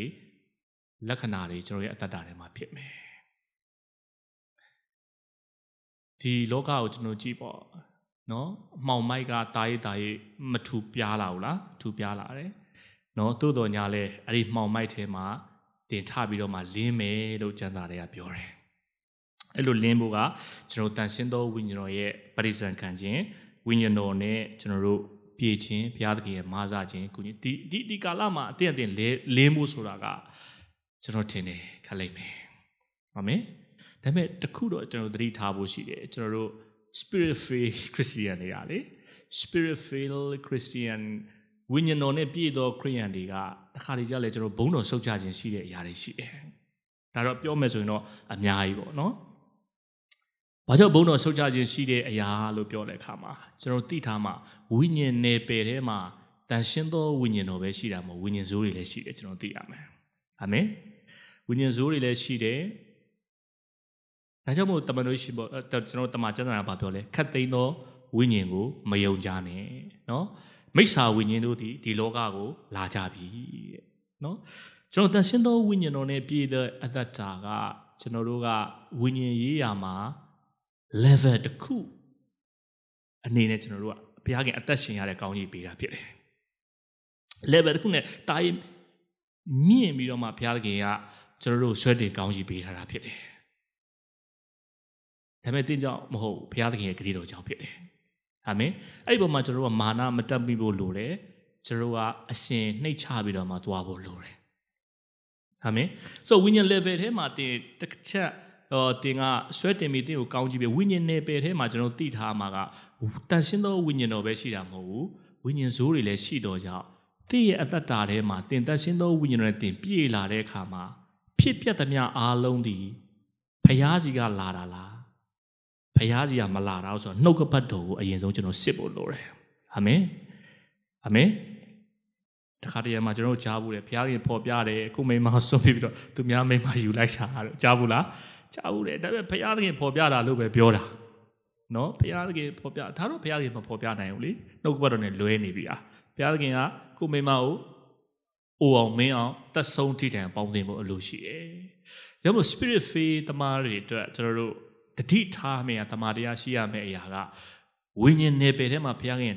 level တခုကျွန်တော်တို့ဘုရားခင်ဆွဲနေကောင်းချီးပေးထားသောကြောင့်ကျွန်တော်တို့ဒီရဲ့ဘုရားခင်ဖွင့်ပြခြင်း ကျွန်တော်တို့ခံစားတယ်အရာအလင်းပြတဲ့တွေကဘုရားကြီးကလာသလားမလာဘူးဆိုတော့ကျွန်တော်တို့အမြဲတမ်းဆန်စစ်ဖို့လိုတယ်နှုတ်ကပတ်တော်ကျွန်တော်တို့ပထမဆုံးနေရာမှာထားဖို့လိုတယ်အာမင်နှုတ်ကပတ်တော်ကိုကျွန်တော်တို့မပြစ်ပါနဲ့နှုတ်ကပတ်တော်ကနံပါတ်1နေရာမှာကျွန်တော်တို့ထားတချို့လည်းရှိတယ်ဝိညာဉ်တော်ဘယ်လာဘာလာတော့မသိဘူးเนาะချို့ပြောငါတို့ဒီခေတ်မှာစံစာတော်မှာဖတ်ကြရမလို့တော့ဘူးတဲ့ငါတို့ကအာဒန်နဲ့အေဝါကဲ့သို့ဘုရားကတန်ရှင်းသောဝိညာဉ်တော်အေဒင်ဥယျာဉ်မှာစကားလက်ပြောလို့ပြောတာပေါ့နော် အဲ့လိုမျိုးပြောလည်းရှိတယ်တကယ်တော့မဟုတ်ပါဘူးစံစာထဲမှာကျွန်တော်တို့ကဘုရားသခင်ရဲ့နှုတ်ကပတ်တော်နံပါတ်1နေရာမှာထားပါ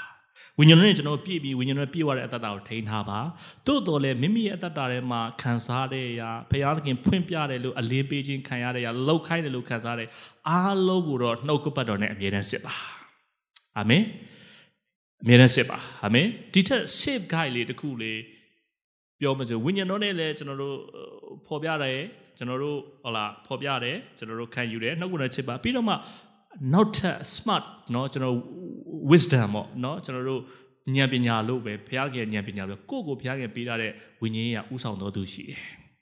မတရားရှာဆိုတာရှိတယ်ကိုယ့်ကိုဘုရားကဖော်ပြတာမှန်တယ်ဆိုရင်နှုတ်ကပတော်စစ်သလိုကိုယ့်ရဲ့အတင်းအုပ်ဆရာဝိညာဉ်နော်ဝိညာဉ်ရေးလီဒါနဲ့လည်းပဲကိုက မေးဖို့လိုတယ်ဒါဒီဘုရားကြီးကလာလားမလာဘူးလားဆိုတာဒါဆိုရင်ကျွန်တော်တို့ရဲ့ဝိညာဉ်နဲ့ပြည့်ဝသောခရိယန်ရဲ့အတ္တတာမှာဘုံတော်ဆုတ်ချခြင်းရဲ့အတ္တတာကိုကြွယ်ကာထားပြီးသားဟို balance ဖြစ်အောင်ကျွန်တော်လှုပ်ထားပြီးသားလို့လည်းကျွန်တော်ယုံကြည်တယ်ပေါ့နော်ဒါလေးတော့ကျွန်တော်သတိထားဖို့လိုတယ်။ညောင်များဆိုတော့အချိန်မှာဆိုတော့ကြည့်လိုက်တဲ့အခါတန်ရှင်းသောဝိညာဉ်တော်ဟုတ်လားမဟုတ်လားဆိုတာကျွန်တော်သိရတယ်။ကျွန်တော်တို့ဒီဝိညာဉ်တော်အမြဲတမ်းမှတ်တာပါနူးညံ့တိမ်မွေးခြင်းရှိတယ်။အာမင်။ ဝိညာဉ်တော်အမြဲတမ်းနူးညံ့တိမ်မွေးခြင်းရှိတယ်။ဝိညာဉ်တော်ကညီတက်ခြင်းရှိတယ်နော်။ဂယုဟိုပေါ့ဝေယုံဒုက္ခမလုပ်ဘူးနော်။ဒီဆောက်ခြင်းပြုစုခြင်းအမြဲတမ်းရှိတယ်နော်။ဒါကိုလည်းကျွန်တော်တို့သိထားဖို့လိုတယ်လို့ခံယူတယ်နော်။ဆိုတော့နော်ဘုရားသခင်အရောက်တိုင်းကြီးကိုဒီကြံပိုက်လေးပဲစကားပြောပါစေ။အရောက်တိုင်းကြီးမှာဘုရားရှင်ကောင်းချီးပေးပါစေလို့